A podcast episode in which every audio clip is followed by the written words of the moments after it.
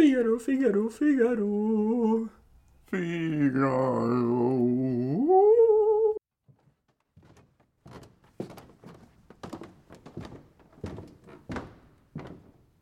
Ah. Ah, verlassen. Kafaka. Nee. Nee, niet zo. Ook niet.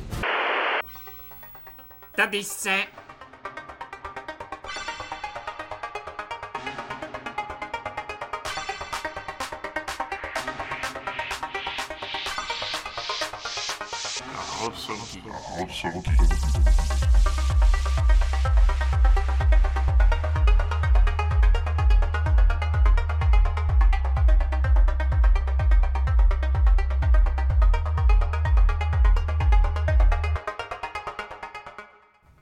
Welkom terug bij aflevering 19 van de meest geeky podcast van Vlaanderen. Ook al gekend als de House of Geek. Ik was deze keer voorbereid. Ik wist welke nummer, ik wist welke nummer van episode. En nu is dat een volledig verkeerde nummer. Ja, dat zou het nu nog wel zijn. Eigenlijk zou ik dat ook wel eens moeten doen. Zo gewoon een compleet random getal eens doen. Dat zou wel eens Ah. grappig zijn, maar kijk. Eh, ik ben hier nog steeds met eh, de beste host van de podcast, Jasper. Ik, hè? Ja, jij, ja, ik vind van wel. Ik vind dat jij de beste host bent van de podcast. Waar heb je die onzin nu weer vandaan Ik gehaald? schreef te veel. dus dat kan al niet. dus dan is het tussen nu en Agne, maar ja, kijk. eh, Ja, ik ben toch al sinds al iets kalmere versie van u, maar... eh, ja, de vorige keer weet ik het niet. Ik dacht echt dat je, even, dat je mijn hoofd er ging aftrekken. eh. Ja, en dat heeft al mijn energie voor de rest van de reek weggezogen. Ja, maar dat was echt, hè. eh. Maar Daar ik ben ik ook dus, altijd niet goed van. Ben hier dus samen met Jasper en ook een beetje met Arne, maar die zit er nu niet bij. Eh, want met de opnameschedule eh ging dat niet, maar we gaan subiet naar de toekomst reizen, dat eigenlijk nog altijd het verleden is voor jullie. Dus eigenlijk is het gewoon het verleden voor jullie, maar dit is nog het verdere verleden, waardoor het eigenlijk voor mij de toekomst is, maar dan toch wel terug het verleden als jij die dat luisteren bent. Ja.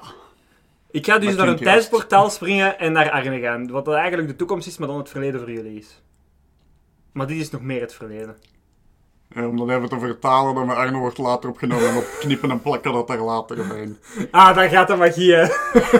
Ja. Hey, als je alle segways mag verpesten, dan mag ik deze verpesten. Ja, dat is waar. Ik, eh, ik, ik blame toch niet. Dat is een beetje ons dingetje geworden. Iets opzetten en het dan direct de grond in werken. maar dan gaan we nu beginnen aan het tussenstukje tussen de twee teuntjes. Tussenstukje. En heb jij nog iets meegemaakt? Eh, ik heb computerspelletjes gespeeld. Moeilijk te What-die-do. geloven, ik weet het. Dit is een verrassing, hoor. zwaar. Ik heb me nog eens een keer op een paar Warhammer games gestort. Ja. Met wat tactisch turn-based strategy, met Warhammer Mechanicus en met Battle Sector. Waarin dat je eigenlijk op de computer met de mannetjes moet rondlopen en alles wat er nu niet aan staat kapot schiet. Wat dat een beetje standaard Warhammer procedure is, want heel die setting is erop gebaseerd dat iedereen constant vecht eigenlijk. Ja, ja, ja. Maar die games zijn altijd wel hit en miss geweest. Soms die van Warhammer, Warhammer Fantasy en Warhammer 40k. Maar ze zijn beter aan het worden. De graphics zijn ook heel schoon. Het is gewoon weergegeven. En de gevechten zijn plezant. En de mechanics erachter ook wel. Je, je moet wat nadenken. Ja, daar stopt het al voor mij. Want met sommige van die tactische turn-based dingen hebben we soms de neiging om het wat te makkelijk te maken met momenten. Maar op geef je goed gas door. Als je niet oplet, dan is ineens gans je team dood. Oh. Opge- opgegeten door een Tyranid of neergestoken door een Necron of zo. Dat is ik haat dat als dat gebeurt. Oh, manneke. Gisteren nog voor het op het werk. Ja, ja, echt verschrikkelijk. maar ik heb me er mee om gezegd. Dat is het voornaamste. hè. Dus Warhammer. Heb ik nog iets meegemaakt? Nee. Helemaal niks. Ik ben Thor Love and Thunder twee keer gaan zien, maar ja, de, de titel van deze episode eigenlijk al verraadt dat we die gaan zien zijn uiteindelijk. hè. We hebben het allemaal te warm gehad. Het is allemaal te lang gehad, ja. En de, de dingen, allee, op de tijd van deze opname is de warmste dag op dinsdag nog niet geweest, dus ik hou mijn hart vast. Ik hou mijn hart vast. Eh, maar we nemen het dus op voor die warmste dag, dus als we doodvallen, dan gaat deze episode nog altijd online komen, dus dat is toch al iets. Hè. Ja, ik weet niet, als ze dood zijn, dan gaat niemand hem online kunnen zetten. Oh, pff, als ik de editor vooral doe, het als schedule. We zullen het in ons testament laten zetten en eh, dat iemand Ja, dat dan in orde eh, brengt. ja, voilà. Mochten wij komen of wij komen te overlijden. Je mag mijn studio hebben als je de dingen uploadt, ja. Eh, maar dan ga ik eerst misschien eh, vertellen wat we vandaag gaan eh, doen dan. We gaan eerst het nieuws bespreken, een beetje gaming nieuws. Ehm, dan ga ik het met Arne in het verleden, toekomst, verleden, toekomst dingetje hebben over The Boys. En dan gaan we het hebben over Thor, Love en Thunder. En dan gaan we, wat dat, we nu, wat dat vroeger de recommendations was, maar nu noemen we dat dat is.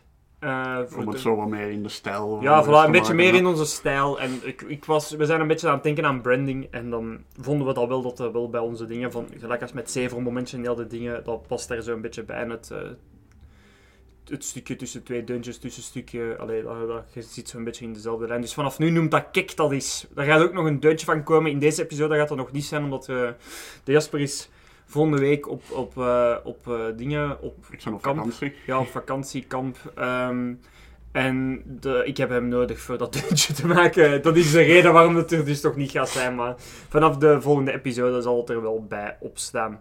Maar dan gaan we nu beginnen aan het nieuws. Het nieuws. Nieuws, nieuws? Nieuws, nieuws, nieuws, ik kan net nieuws, nieuws, nieuws,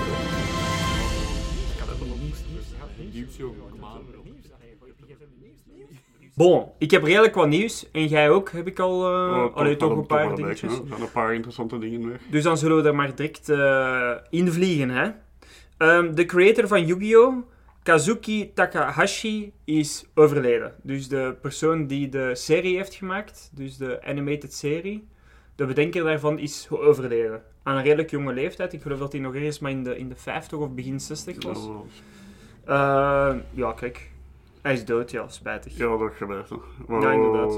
Waaraan uh, medisch problemen? Ik, denk, ik dacht het wel, ik dacht eh, hartproblemen of zoiets, dat Mm. hem aangestorven is. Ja, dat meestal op die, wat jongere leeftijd is.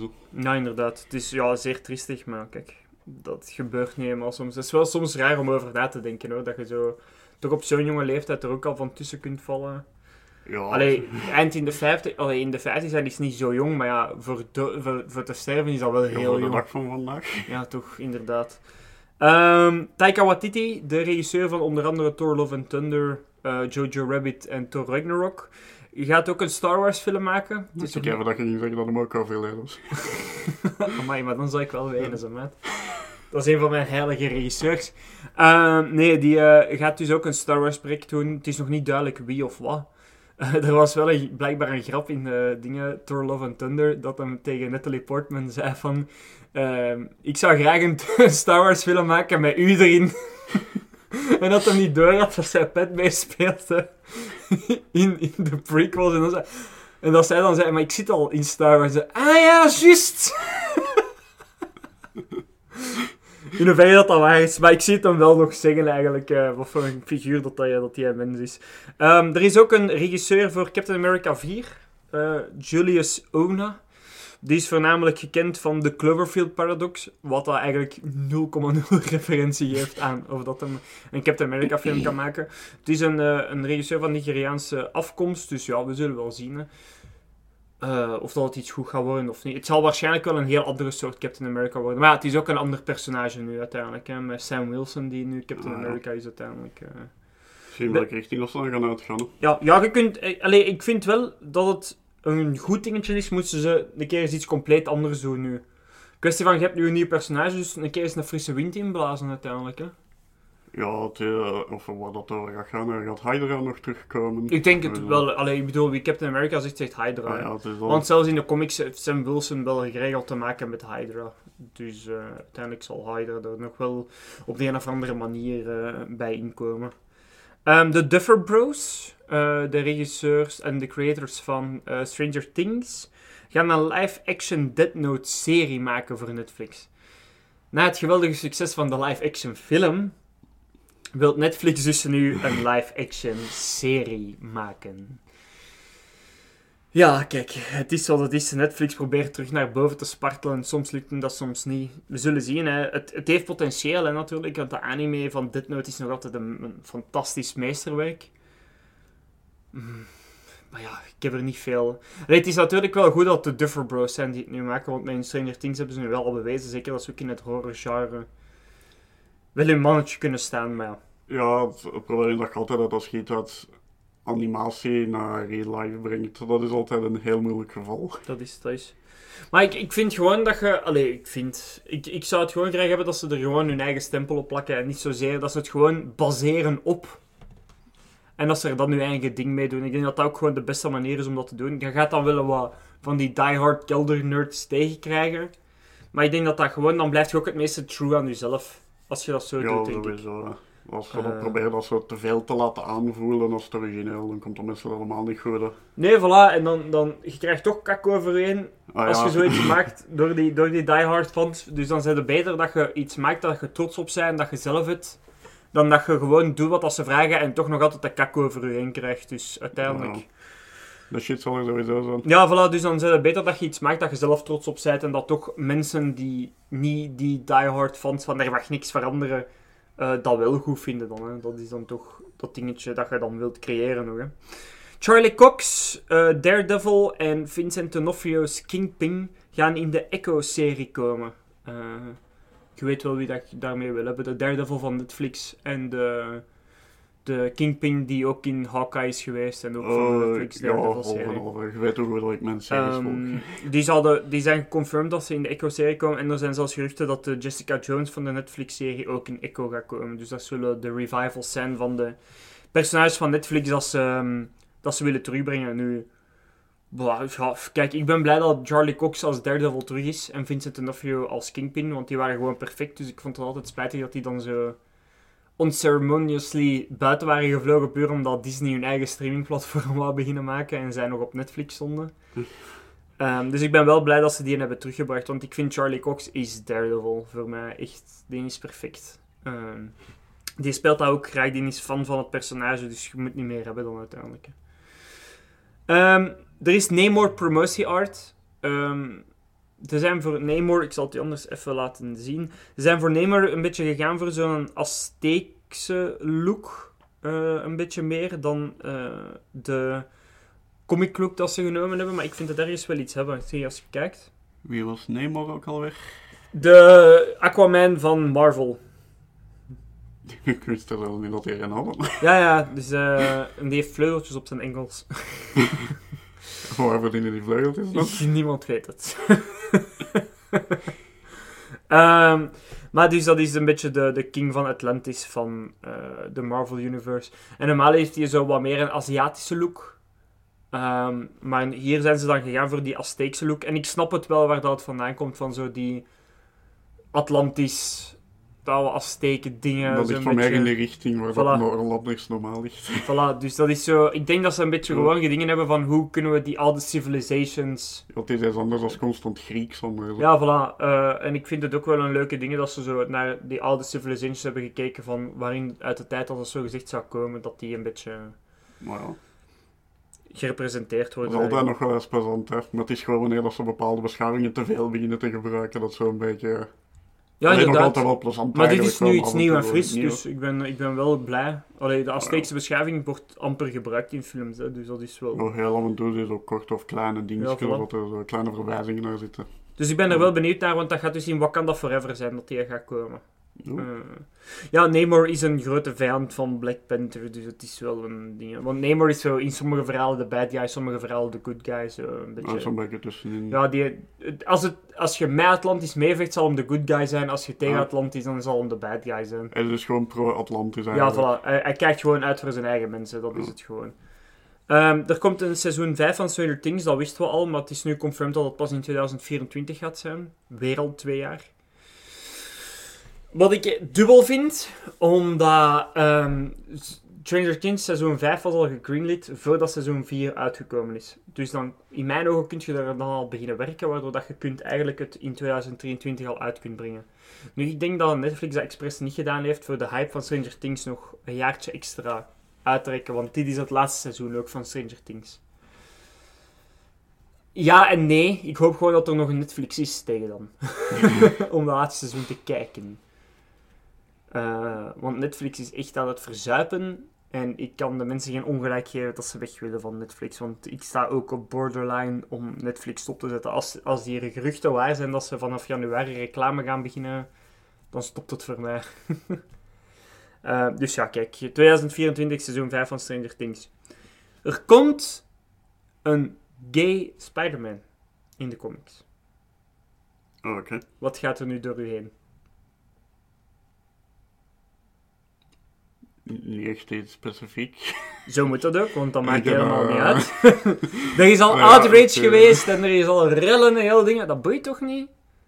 Ja, dat, is zoiets dat voor mij niet echt relevant is. Nee? Tenzij dat, uh, tenzij dat dat een persoon is die mij probeert te versieren, denk ik van, dan boeit toch, toch niet uit. Nee, dat maakt toch niet uit. En laat, laat mensen die homoseksueel zijn ook een superheld hebben dat ze naar kunnen opkijken waarin dat ze in kunnen leven. Dat maakt toch niet uit? In unien kunnen leven. Dat maakt toch niet uit? Zet zoals dat ze de zoon van Superman nu gay hebben gemaakt, dat daar ook zo'n hele outrage van was. Dat boeit toch niet? Waarom mogen enkel witte hetero venten superhelden hebben om naar op te kijken? Dat boeit toch niet? Kamala Khan, eh, Miss Marvel-serie, is gerapt. Eh, in het kort, we gaan er niet echt iets aan doen in, eh, in de podcast, omdat ik niet vind dat het onze plaats is om zoiets te judgen. Eh, het, het bouwt heel hard op de, dat er eindelijk een Arabische superheld is. Again, inclusiviteit, all for. Waarom mag ik wel een superheld hebben waar ik naar kan opkijken en mensen van Arabische afkomst niet? Helemaal mee eens. Het is ook cool dat Adil El Arbi en Bilal Fallah, de Belgische regisseurs, aflevering 1 en de laatste aflevering hebben geregisseerd. Super cool. Ehm, vond ik de serie goed. Misschien ben ik prejudiciative, maar ik vond de eerste en de laatste aflevering de beste.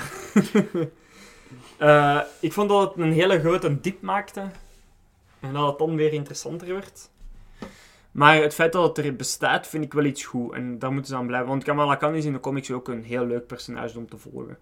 Omdat dat ook zo de, de Marvel-fan is die dan zelf een superheld wordt. Die is zo fan van superhelden. Onder andere Captain Marvel, vandaar dat haar naam ook Miss Marvel wordt. Vanwege Eh, de fan-insert character. Voilà, en dat vind ik wel, dat vind ik wel altijd leuk. Ehm, nu, in de comics is dat een Inhuman. Ik weet niet of dat je daar iets van kent. Ik heb dan allemaal horen vliegen. Dat zijn mensen die op de maan leven. Die superkrachten hebben. Wel, ja, waarom ook niet. hè. Waarom ook niet? Ja, ik bedoel, we zitten in een universum met een paarse alien die met steentjes het halve universum heeft laten verdwijnen. Dus ik bedoel, dan... And it won't make any more sense as time goes on. Allee, ik bedoel, ja... eh, ik kan er nog altijd mijn verstand niet bij wat dat daar de bedoeling van was. ja, maar ja, kijk, bol. Ehm, daarin is Inhuman... eh, dat er dan een soort van gas wordt geactiveerd om de aarde, dat al die Inhumans die op de aarde leven, hun kracht worden geactiveerd. Omdat dat descendants zijn van die Inhumans zijn die hun krachten dormant geworden en bla bla bla. Nu hier denk ik dat ze een beetje in de MCU dat ze een beetje allergisch zijn geworden aan Inhumans. Eh, omdat dat project van Inhumans, de serie, keihard gefaald is. Omdat het gewoon een super slechte serie was. En ik denk dat ze nu Kamala Khan een mutant willen maken. Dus van de X-Men. Omdat in de laatste aflevering wordt er specifieke zin gezegd. Uh, I did some research in your DNA. And there is a mutation that the rest of your family doesn't have. Maar het feit dat een mutation zegt, laat mij dan denken... Het feit dat het woord mutant, allee, en mutation letterlijk wordt gezegd, Voor het idee zo wat in te brengen. ik denk dat, ik denk dat Kamala Khan een, een, een, een link gaat worden naar de X-Men.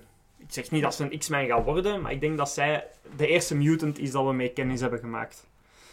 Ehm, dat is wel cool. Breng de X-Men in de MCU. Stop ermee met het teasen. Je hebt het genoeg geteased, doe het gewoon. Je hebt Quicksilver er al ingebracht en dan, ja, dat was een cop-out. Nu dit en dit en dit. Breng ze er gewoon in. Fuck you, Marvel. Doe het gewoon. Heb zo'n balls en doe het gewoon. Ik wil Professor Xavier. En niet, eh, het is een alternatieve universum. Nee, ik wil de nieuwe Professor Xavier zien. Ik wil de nieuwe Wolverine zien. Ik wil ze in de MCU. En niet in een alternatief universum. Steek dat in je gat en geef de echte. Doe het gewoon. We zijn er klaar voor. Het, je, hebt het nodig. Trust me, je hebt het nodig.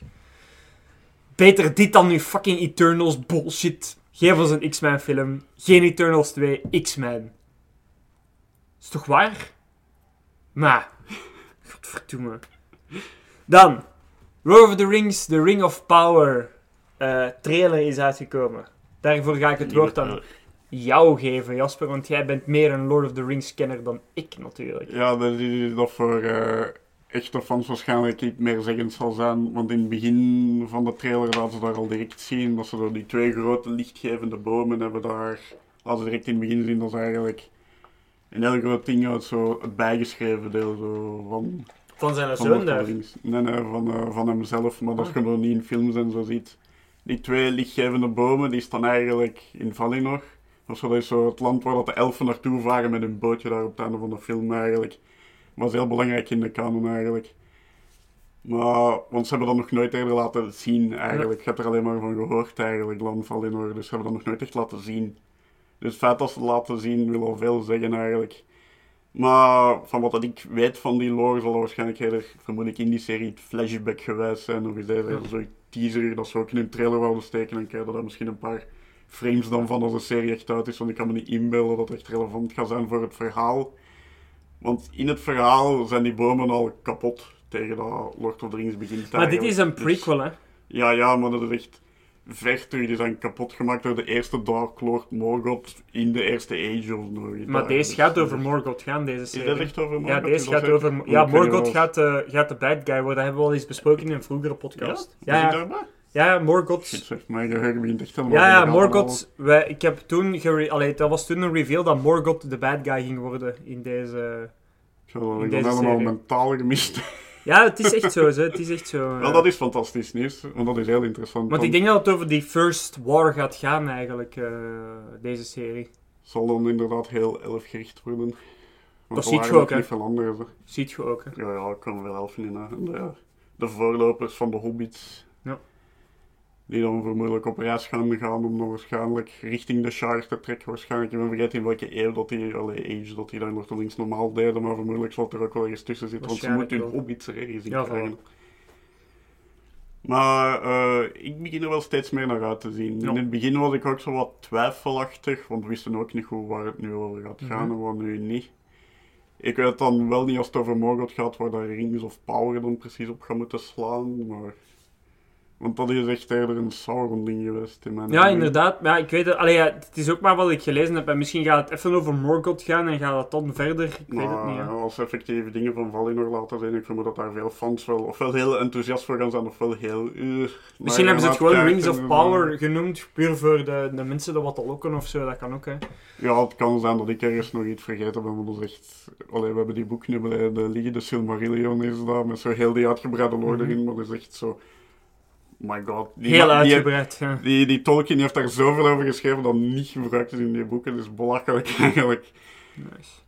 Maar wel heel interessant. Maar ik dacht, ik dacht wel eigenlijk echt, je mag teruggaan in de episodes. Er is een episode dat we het erover, hebben. En daarin reveal ik dat Morgoth... Het de- zou goed kunnen, maar ik ken- Want ik heb toen nog aan u gevraagd wie Morgoth eigenlijk Het is. zou goed kunnen, want ik, eh, mijn geheugen laat me vaak in de steek. Ja, dat zoals wel waar, waarschijnlijk ja. de mensen thuis ook wel gemerkt hebben. Maar ik denk dat dan die twee trees ook gewoon laten weten van het is wel degelijk in die tijd. Denk ik dan eerder dat... het, Ja, eh, ja, of, eh, ja, waarschijnlijk, want normaal die bomen, of, die worden normaal kapot gemaakt door Morgoth en de, allee, moeder is dan niet echt, maar de voorganger van Shelob. Is dat eigenlijk zulke grote spin gemaakt van schouder en donker en zo eigenlijk. Is Misschien dat- dus krijgen we dat te zien in de, Als we dat te zien krijgen, dat zou kei cool zijn.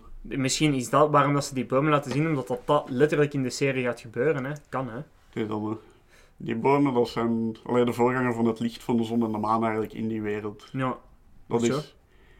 In het begin was er eigenlijk alleen licht van de sterren. En de Valar, dat zijn die goden eigenlijk in die wereld is. Dat die hebben dan die bomen gemaakt daar. Vraag me de details niet van hoe, want er zijn details achter, maar god weet dat ik ze niet meer weet. maar die, de ene is de gouden boom en de andere is de zilveren boom. De ene heeft goudlicht als de de andere heeft zilverlicht als de maan. En die wisselen zo half in licht geven. En die zijn eigenlijk de bron van al het licht op de wereld in het begin eigenlijk. En dan dat die bomen kapot worden gemaakt, worden zo één vrucht en één zaad van nee, beide van die bomen worden dan door de zon en de maan gemaakt eigenlijk. Ja. Later, dus de zon en de maan komen dan later. Maar die spelen dan eigenlijk eerst die rol. Wat heel verwarrend is. Als je moet inbeelden hoe dat twee bomen al het licht op de wereld geven. Maar Ja, gewoon niet bij nadenken. Het, eh, ik denk dat voor, voor de rest van de wereld vooral van sterrenlicht is of zo. Dat ze Ja. het moeten hebben met de eerste elfen. ja, dat is wel goed op dat eiland, maar voor de rest... Ja, het is een heel gedoe. Maar nee, ja, ik, ik ga ook nu niet te veel uitleggen van hoe die lore. Omdat het Magic. veel is. En ten tweede, het, zou, het kan zijn dat anders wel spoilers geeft voor die series misschien. ja, en dat ze misschien ook dingen retconnen en zo. En dat, ja, dat zou ook kunnen hebben. Dat doen ze ook vaak, heel eh, dingen nog zijn. Maar ja, wie weet hoeveel seizoenen komen er uiteindelijk. Hè. Ja, ik wou, want ik hoop er op bepaalde mensen ook geen die mensen in beeld. ja. Die dingen dat ze misschien Numenor ook eens laten zien. Het eiland waar dat... Maar ja, het, het is daar dat het zo moeilijk is, maar in welke tijd we zitten en waar zit Morgoth. En hoe passen ze de lore aan, zelf voor aan hun verhaal te passen. Want Ja, sowieso. een Ja, het kan zijn dat er, dat er slide details veranderen. Hè, van dat ze gewoon dat ze creatieve vrijheid nemen. Ja. En, die, die Númenóreans zijn dan mensen die beloond zijn door de Valar of zo, omdat die in de Eerste Oorlog zo hebben meegeholpen tegen Morgoth of en daardoor beloond zijn. Maar ik zeg het, het is allemaal, het is veel lore. En het is soms verwarrend. Ja. Misschien dat Morgoth ook gewoon enkel komt in flashbacks of zo, dat kan ook. En dat de second dingen is, de second wave is of zo, dat kan ook altijd. hè. Ja, het is dat. Want, de second wave is wel al met, met Sauron, hè. Eh, De second, nee, de second era. Eindigt die niet met Sar de eerste war van Sauron? eh, ja, ik dacht het wel. En dan, En dan de verhalen van Lord of the Rings was het einde van de third Eh, ja. era, hè? Als ik het mij juist... Ik heb ook een beetje ermee in verdiept toen. ja, ik zei, maar dat, dat is allemaal zo. Het is heel veel, ja. Wat dat de eerste en de tweede en de derde era is. Maar ik, dacht, ik dacht dat het zo was. Wanneer de tweede eindigt, is met Sauron. Ja. Die eigenlijk zoiets is als wat daar Gandalf en Sauron en zo zijn. Echt? Ja, dat zijn eh Maya of zoiets. Dat zijn zo'n soort Angels. richting, ja, engelen eigenlijk. Zoiets in de richting zo dienaars van die Valar, maar die dan ook naar beneden kunnen sukkelen. Ah. Zoals Sauron dan ook wat doet. Maar Sauron dus ook. Zijn zo van die eerste volgers van Morgoth. al Dus eigenlijk had Saruman kunnen devolueren of evolueren in een nieuwe Sauron eigenlijk, als je die had laten Eh, doen. had. ja, eigenlijk wel. Ja, technisch gezien. cool. Maar heeft het, allee, misschien de belangrijkste vraag van allemaal, jij als Lord of the Rings fan, want jij bent echt wel de designated Lord of the Rings fan van de podcast. Heeft het de juiste feeling voor u? Als je nu de trailers bekijkt. Als je alles wat dat je tot nu toe heeft, het de Voor mij, feeling. van wat ik gezien heb, toch wel. Ja. De aesthetics ook van zo, ze hebben ook zo veraf gezichten van beelden en wouden en steden en zo laten zien. En dat ziet er allemaal wel goed uit. En toch in, die, in de juiste Lord of the Rings sfeer alleszins. Ja. Maar ja, het is heel moeilijk natuurlijk voor te zeggen. Hè. Want heel veel lang is van Lord of the Rings alleen zo echt de basis vooral Lord of the Rings geweest. En het is pas in recente jaren dat ze echt zijn beginnen uitbreiden. En dat die intellectual property en zo wat meer is losgelaten. Dat ze mensen zo wat meer hun ding mee mogen doen. ja, sowieso. Maar het is dan zien waar het naartoe gaat. hè. Ik hoop gewoon dat het minder een CGI crapfest wordt dan de Hobbit-film. Zo. Eh, ja, dat is hoeveel dat je voor CGI of niet zet. CGI moet dat een, in mijn ogen een tool zijn om iets mooier te maken en niet een doeleind zijn. Snap je wat ik bedoel? Ja, het is Zoals bijvoorbeeld eh, in The Hobbit, wanneer dat die twee Stone Giants daar zo aan het boksen waren, alsof dat die zo van die poppetjes waren, dat je zo mekaars hoofd kunt afkloppen. Dat is... Mm. Snap je? Ja, ik weet het. Dat was in de boek, maar ik, die zijn al niet per se in de film over. Ja, voilà. Dat was nog niet echt nodig, denk ik. In een boek kun je veel meer fluff hangen dan in een, in een film. Hè. In een film moet je van punt A naar B geraken. Misschien daarmee ook dat het nu beter is dat een serie is. Hè. Want ik vind dat een boek zich veel beter vertaalt in een serie dan in een film. Maar Persoonlijk. dat is dan hun eigen bedachte verhaal. hier. Ja, ook, maar gewoon in het algemeen, als je een, een verhaal baseert op een boek, ik vind dat een serie dichter aanleunt bij wat dat je bij een boek kunt doen dan een, een film, omdat je in een serie ook veel meer uren hebt om je ding te maken. Vandaar ook bijvoorbeeld bij de Harry Potter dingen. Mensen willen graag een reboot van de Harry Potters ooit, maar dan liever in een serie. Omdat, dan kun je echt wel alle details en dan kun je per jaar eens een seizoen en elk hoofdstuk is een aflevering of zo. Zo kun je dan wel degelijk de boeken deftig vertalen. Ja, dat inderdaad wel altijd als je boeken omzet. Zo. Ik vind dat, om- omdat film en boeken zijn zo'n compleet ander medium, dat kun je bijna niet... Je moet iets anders maken, hè. Dat kan bijna niet anders. Daar gaat er meer tijd voor nodig. hè. Ja, voilà. Eh, maar dus, voor u is het tot nu toe... Eh, ik ben voorzichtig nieuwsgierig. Ja. Ik ga mijn hart nog vast. Wat nog altijd belangrijkste gaat zijn, is, is het een goed verhaal dat ze vertellen. Is het interessant natuurlijk. Eh, op het vlak van CGI. Ik heb soms ook liever wat meer practical effects en ook niet veel CGI bullshit. Maar het breekt het ook niet voor mij. ik vind dus dat al. eh, Dus- CGI moet je practical effects gewoon mooier maken. En dat, is- dat is wanneer CGI op zijn beste komt. Zoals Ja. bijvoorbeeld in Stranger Things. ehm Vecna was eh, een kostuum. Maar ze hebben dat met CGI getweakt, zodat die veel echter lijkt. En zo komt CGI op zijn mooiste, vind ik persoonlijk. Hè.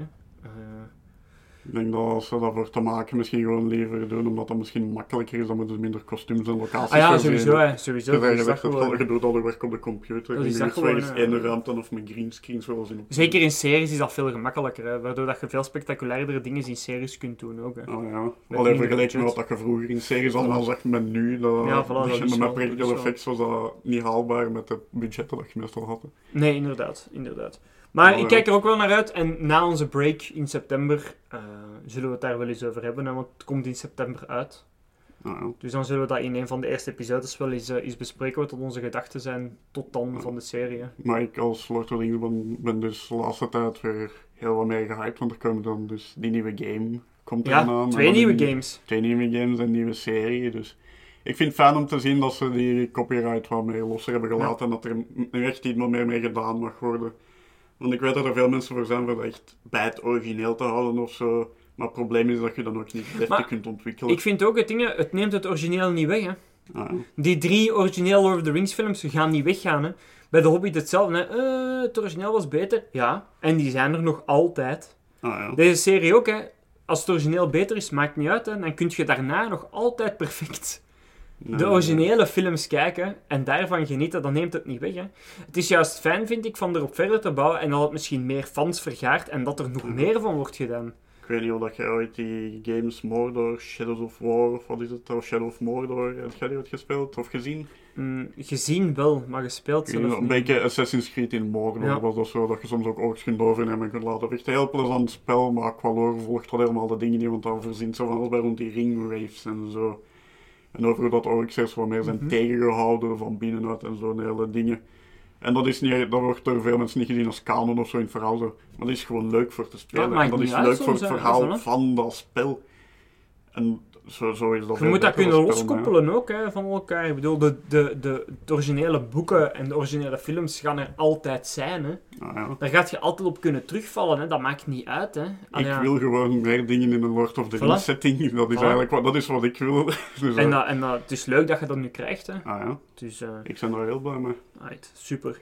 Ehm, dan heb ik nog een laatste vraag voor u, voordat ik de bal naar u pas. Ehm, vorige week had eh, Arno het over Stellaris en jij hebt dan laten vallen van oei, maar zijn uitleg was niet zo... Ja, dat is wel eens van in Space RPG dat dat was. Maar... Ah, wel, dan is nu mijn vraag eigenlijk aan u, voor de luisteraars. Wat is Stellaris dan nu? Eigen- Ik vond dat het er nu wel bij mocht, aangezien dat je dan achteraf Ja, zo zei maar- van hm, zijn uitleg was... En nadat we door hadden welke game dat het was, vind ik nu wel van...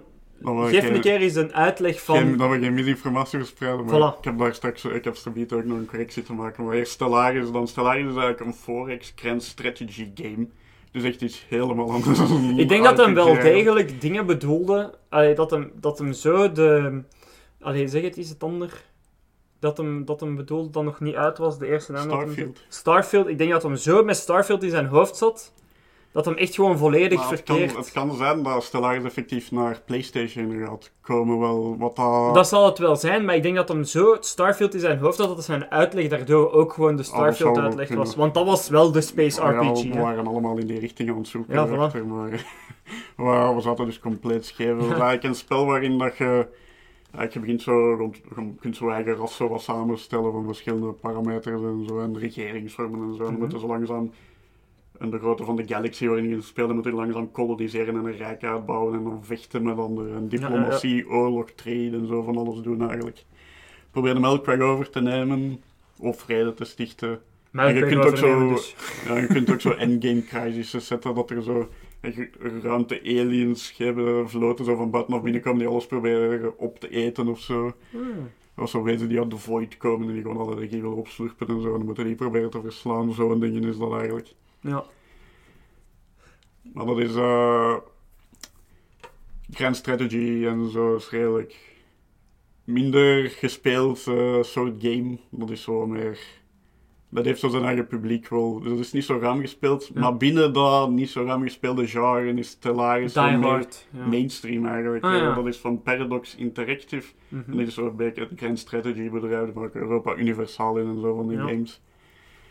En in een genre dat op zichzelf al heel complex en met veel onderliggende parameters en van alles is, is dat eigenlijk nog de mainstream versie daarvan. Wat eigenlijk een beetje raar is om over na te denken. Ja, ja maar, eh, maar ik vond het wel belangrijk dat we dan de juiste Ja, informatie ja, verspreiden. Dus, eh, Eh, wat me eraan denken dan, ik had in de vorige, ik had niet gek veel nieuws te vertellen, dus ik had er iets uitgeslagen over de boop physics van eh, Final Fantasy Ja. 7 of zo. Dat had ik mis aan achteraf herbekeken. Dat was niet van eh, dingen, dat was van een mod, blijkbaar.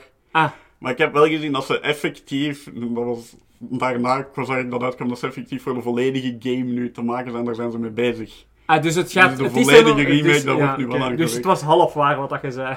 Ja, maar ik, begrijp- ik weet nog altijd niet wat die eerste Final Fantasy 7 remake was. Of was dat een tech demo, of was dat zo'n voorstukje, of, nee, of maar een stuk van de game. Maar nu zijn we blijkbaar aan de volledige game remake. Het is echt, het is een heel erg gedoe. Final Fantasy is echt een... eh, het is ook mijn reeks niet, ik heb dat nog nooit niet gespeeld, dus ik zou het niet kunnen zeggen, maar daar heb ik eh, wel een abridged serie van gezien. van origineel. natuurlijk. Het is zo dat ik de meeste dingen ken. Heel Ja, grappig. Altijd interessant voor eens op te zoeken, eigenlijk. En hoe noemt het? Gewoon Final Fantasy 7 Abridged. zo. Ah, Ja, ik zo is. Maar wel lachen. Dat is echt nog met die oude sprites en dingen. en Zo, je. dat is echt zo blaas van de paal is dat dan. Ja, sowieso. Dat is Ik doe echt terugdenken aan van die oudere games of zo. Maar ja, dat was mijn rechtszitting. Ik denk dat ik niet veel andere leugens verteld had voor, voor episode. Toch, dus, toch, geen, toch geen leugens dat we al ontdekt hebben. Ja, toch niet dat ik me kan herinneren. En eh, heb jij nog eh, gaming nieuws eh, mee te delen? ja, Geen leugens, hè? eh, ik zal proberen. Want ik kan me niet herinneren dat ik deze ooit al eerder heb vermeld, maar ik ben niet meer zeker. Maar God of War Ragnarok heeft zijn release date. Ah ja, nee. 9 november. Ja. Ik denk dat je dat toch nog niet vermeld hebt. Ik, we hebben daar al eens over gesproken dat het er aankwam, maar we hebben nog niet de we release date. Ja. eens voor 9 november dan. Mai. Dat begint ook alweer dichterbij te Ja, komen. mai. Het gaat nu over... Met zijn zoon Loki dan onderweg is. Of hoe noemt hem... En Chris Hemsworth, hè? Ik zeggen. Gaat weer wat worden. Eh, Blood Bowl 3 heeft een nieuwe trailer ook uitgekregen. Ik weet niet of jij Blood Bowl kent. Nee. Eh, jij speelt... allee, je hebt rugby gespeeld, hè? Ja. Wel, dat is zo... Ik zou zeggen American football, rugby, maar dan met dat je mensen effectief in elkaar mocht slaan. Oeh. En de scheidsrechter maar omgekocht worden en de cheerleaders kunnen wij van op veld soms ook spelers in elkaar komen slaan en zo. Van alles. Dat, dat is ook een Warhammer game, Blood Bowl. Dat is een van die rare zijsprongen dat dat gemaakt heeft. En Dat wil ik wel eens spelen dan. Dat was zo shit. American football met zo orks en goblins en skeletten en vampieren en wat nog allemaal niet. Die dan tegen elkaar rugby spelen eigenlijk feitelijk. Dat je elkaar zo moet blokken en moet passen en doorgeven voor zoveel mogelijk touchdowns te scoren was dat. Oh, Maar maar, in dat, dat is geen spel- rugby, hè? Dat is geen rugby, hè? Dat is American Of- football? Maar kijk, hey, Ja, oh, ik- hey, zo gaan we niet beginnen, hè? Ja, ik, eh, ik ken de kleine details niet maar ik zal misschien die trailer eens laten zien, want het is van Ah, een grappige, want het gaat dan over een ork-coach die zo'n goblin-team heeft, die waar kwaad Yes. aan het maken is. En het is gewoon hilarisch om te zien eigenlijk. Ja, dat is goed, dat wil ik wel En eens zien. spelers kunnen effectief sterven op dat veld. En die kunnen effectief gewoon bijna gepeerd worden. Echt En gewoon doodgemot worden. Ja, echt. eh, ik kan iemand op troll of zo. En eh, ik denk dat de dwergen ook zo een soort stoomwals kunnen over het veld laten gaan of zo. En zo van al die zottigheid. Amai. Ja, dat Ja, wil ik wel eens... dat wil ik wel eens... Oeh, ik ben hier dan met de kabels weg. is- Dus dan ondertussen al een derde installment toe. Ik hoop dat dat niet te veel gelijk als FIFA gaat worden. Dat die gewoon onder zoveel tijd een nieuwe Ja, versie uitbrengen ja, met zo'n nummertje erachter. Dus het zal wel zien. man. Maar het, het klinkt wel al interessanter dan FIFA. nou ja, als je die voetballers kon vermoorden op het veld. dan was- Ja, voilà, als je dan voetballers kon dat in elkaar geslagen worden, weet je, dan zou het wel al interessanter zijn, hè. Eh, heb jij nog iets? Of... Ehm, wat denk je van Franse revolutie Souls-like? Gaat er blijkbaar aankomen. Ik ben de precieze naam even kwijt, maar dat is hetgeen dat ik ervan onthouden heb, omdat dat zo'n indruk maakt. Zo vanuit die tijdsperiode met een Souls-like. En waarschijnlijk zullen er ook wel wat monsters in komen, maar tegenwoordig maken ze in van alle Souls-likes en zo. En wat zijn wel- Souls-likes? Gelijk Dark Souls Ah ja. en Bloodborne en zo, die, die genres en de Ja. Souls-likes. En ik ben er altijd wel wat fan van, ik speel die nog wel eens graag. Maar Ja, het is altijd wel. zien, de kwaliteit kan daarin ook wel wat verschillen. Ja. Want dat is zo, nu de laatste jaren zo het populaire genre geworden. Dat betekent dat er dus veel van komen. Het is allemaal van dus kwaliteit. ja. Het is ook scheid, helaas. Franse revolutie is wel zoiets dat van tijd tot tijd wel eens terugkomt in games. Hè. Dat is ja, ja. wat, Zo, dat komt nog wel terug, maar toch iets minder als zo de gezette genres ja, dat is meestal. wel waar. Maar toch nog wel een niet vastere waren natuurlijk. Maar dat is zo een van mijn favoriete tijdsperiodes, vind ik wel. Ja, het is een interessante tijdsperiode, hè, sowieso. Dat wel. Eh, maar dan denk ik dat we hier het nieuws gaan eh, afsluiten. We zitten aan de 40 minuten. maar alleen dat we We hebben altijd zoveel nieuws te vertellen. Spinning out of control doen. Eh, dus dit was het nieuws. En dan ga ik nu naar de toekomst, dat nog altijd het verleden is. Maar voor mij de toekomst om met Arnoud over The Boys te hebben. Alleen tot straks, tot ze tot morgen en later. Allee. Ja, eigenlijk mm, voor u... Ja, tijdreizen is zo ingewikkeld. Waarom doen mensen dat altijd in films? Het staat binnen 20 seconden dan. ja,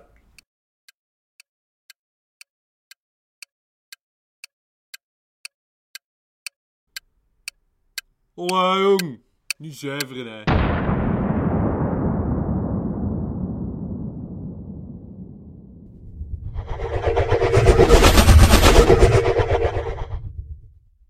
Wow, ik zit in de toekomst, dat eigenlijk ook terug het verleden is, maar de toekomst verleden... Ja, Arne zit hier nu gewoon.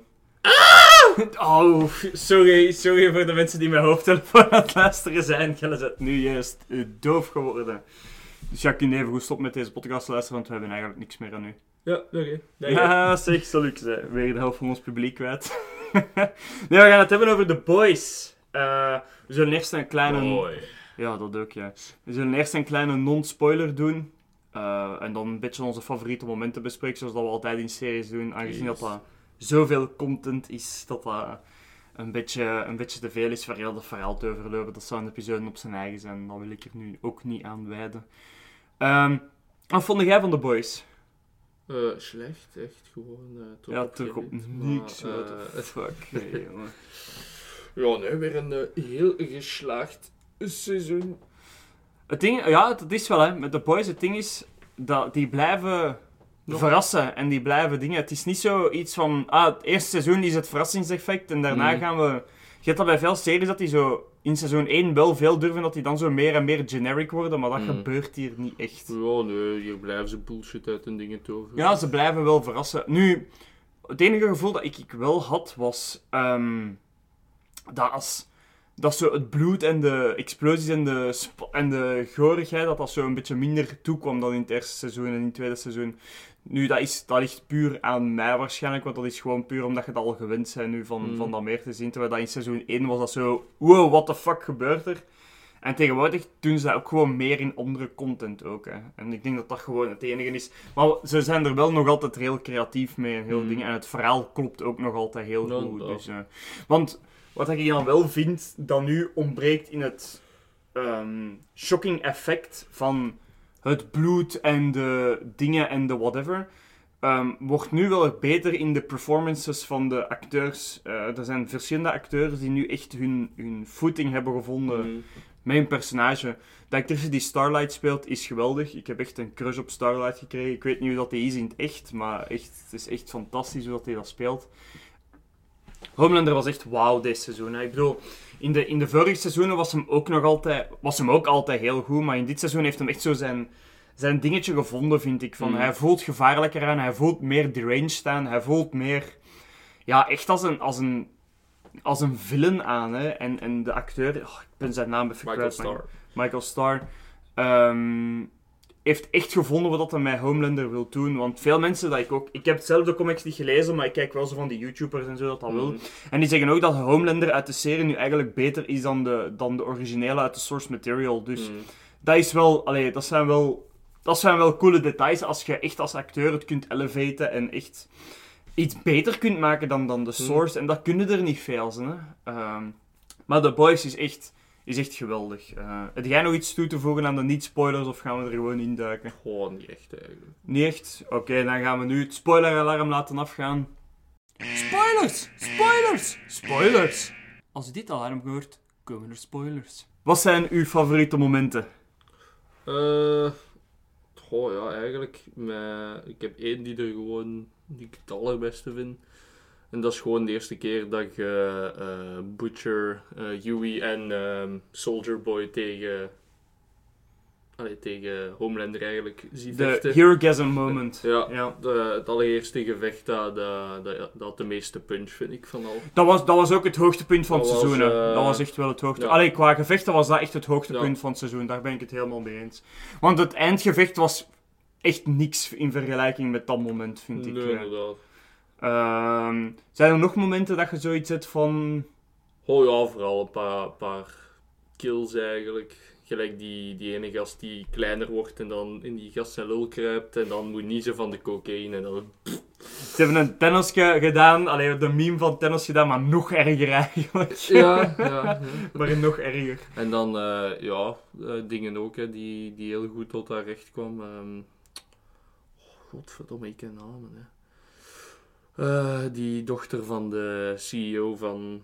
Allee, die geadopteerde dochter. Dat we Die dat de laat komen. ontploffen. zo, ja, eh, generic eh, girl nummer Ja. 7 die hoofden kan ontploffen. Ja.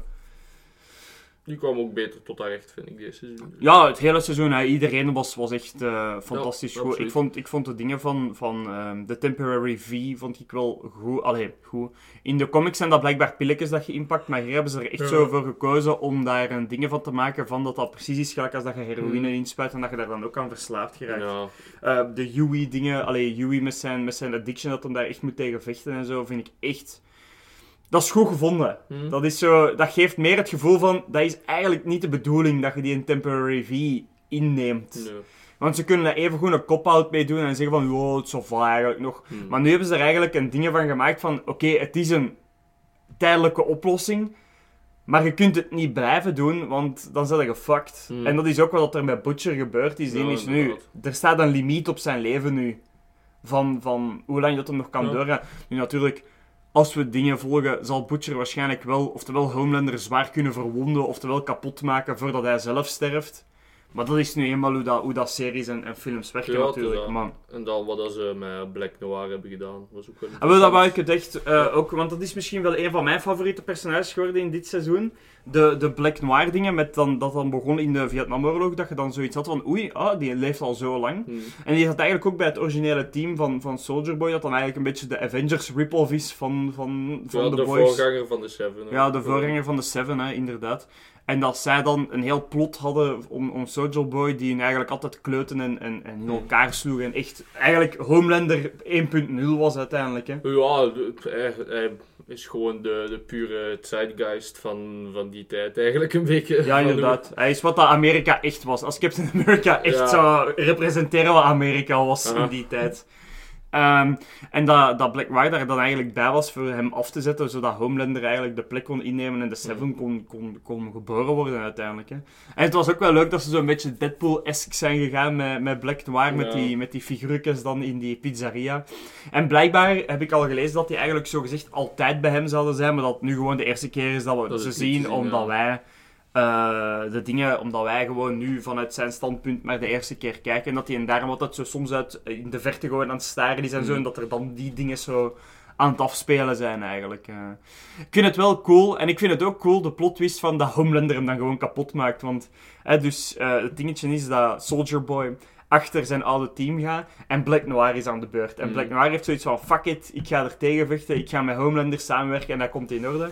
Homelander komt dan te weten dat Soldier Boy zijn vader is, Black Noir wist dat en Homelander vermoordt Black Noir. Hm. Ehm, mijn gok is dat iemand anders de Black Noir suit gaat overnemen. Eh, dat ze... Dat, is, Of een- dat is misschien toch een clone van... eh, van dingen Homelander of zo, of, of een ander personage of whatever, gewoon puur voor de marketing gewijs. Je Hmm. kunt die perfect vervangen uiteindelijk en je weet ook dat Homelander geen fuck geeft, zolang dat er maar inderdaad. in het publiek eh, dingen is, hè, dat alles maar daar in orde is. Ja, maar ook Eh, moesten ze effectief eh, met dingen van de clone gaan, zou wel interessant zijn. ja, inderdaad. Dat gedeelte in de comics is echt fucking awesome. Ja? ja, ik heb de comics niet gelezen, dus ik Ja, het niet weten. de- in de comics om een duur ziet je echt een gevecht dat, dat echt fucking awesome is. eh, tussen, Tussen de, Homelander tussen en de en de, die, die dat in de comics de Black Noir is, zo gezegd. Misschien dat ze naar die route gaan gaan Voilà. en dat Butcher die kan overtuigen of Mm. zoiets van naar hun kant te gaan en Ja, dat er dan zoiets zou gebeuren. Hè. Dat kan wel altijd, inderdaad. Want ja, Butcher kan niet meer Temporary V gebruiken. Nee. Of hij is... Ik hoop dat hij het nog één keer gaat gebruiken, ergens als last resort, en dat dat zijn einde gaat zijn. Ja, of dat ze misschien eh, de volledige V gaan geven. Ja, dat kan maar dat is dan niet gegarandeerd omdat hij overleeft, want dat hebben ze al gezegd nee, van, inderdaad, ja, maar- inderdaad, als ze hem, voor hem te redden, proberen de volledige V te geven, Ja, of inderdaad. dat hij zijn eigen opoffert en het neemt, want dat, dat Ja. is eigenlijk hetgeen dat hij absoluut niet zou willen. Dus Ja, inderdaad. Dat hij is, dan, eh, hij is, hij- he's not the guy to make the sacrifice. En dan dat die en dan wel de sacrifice neemt, dat is wel een trope dat vaker terugkomt in die superhero dingen. Dus waarschijnlijk gaan ze dat dan ook in het belachelijke Mm. trekken in The Boys.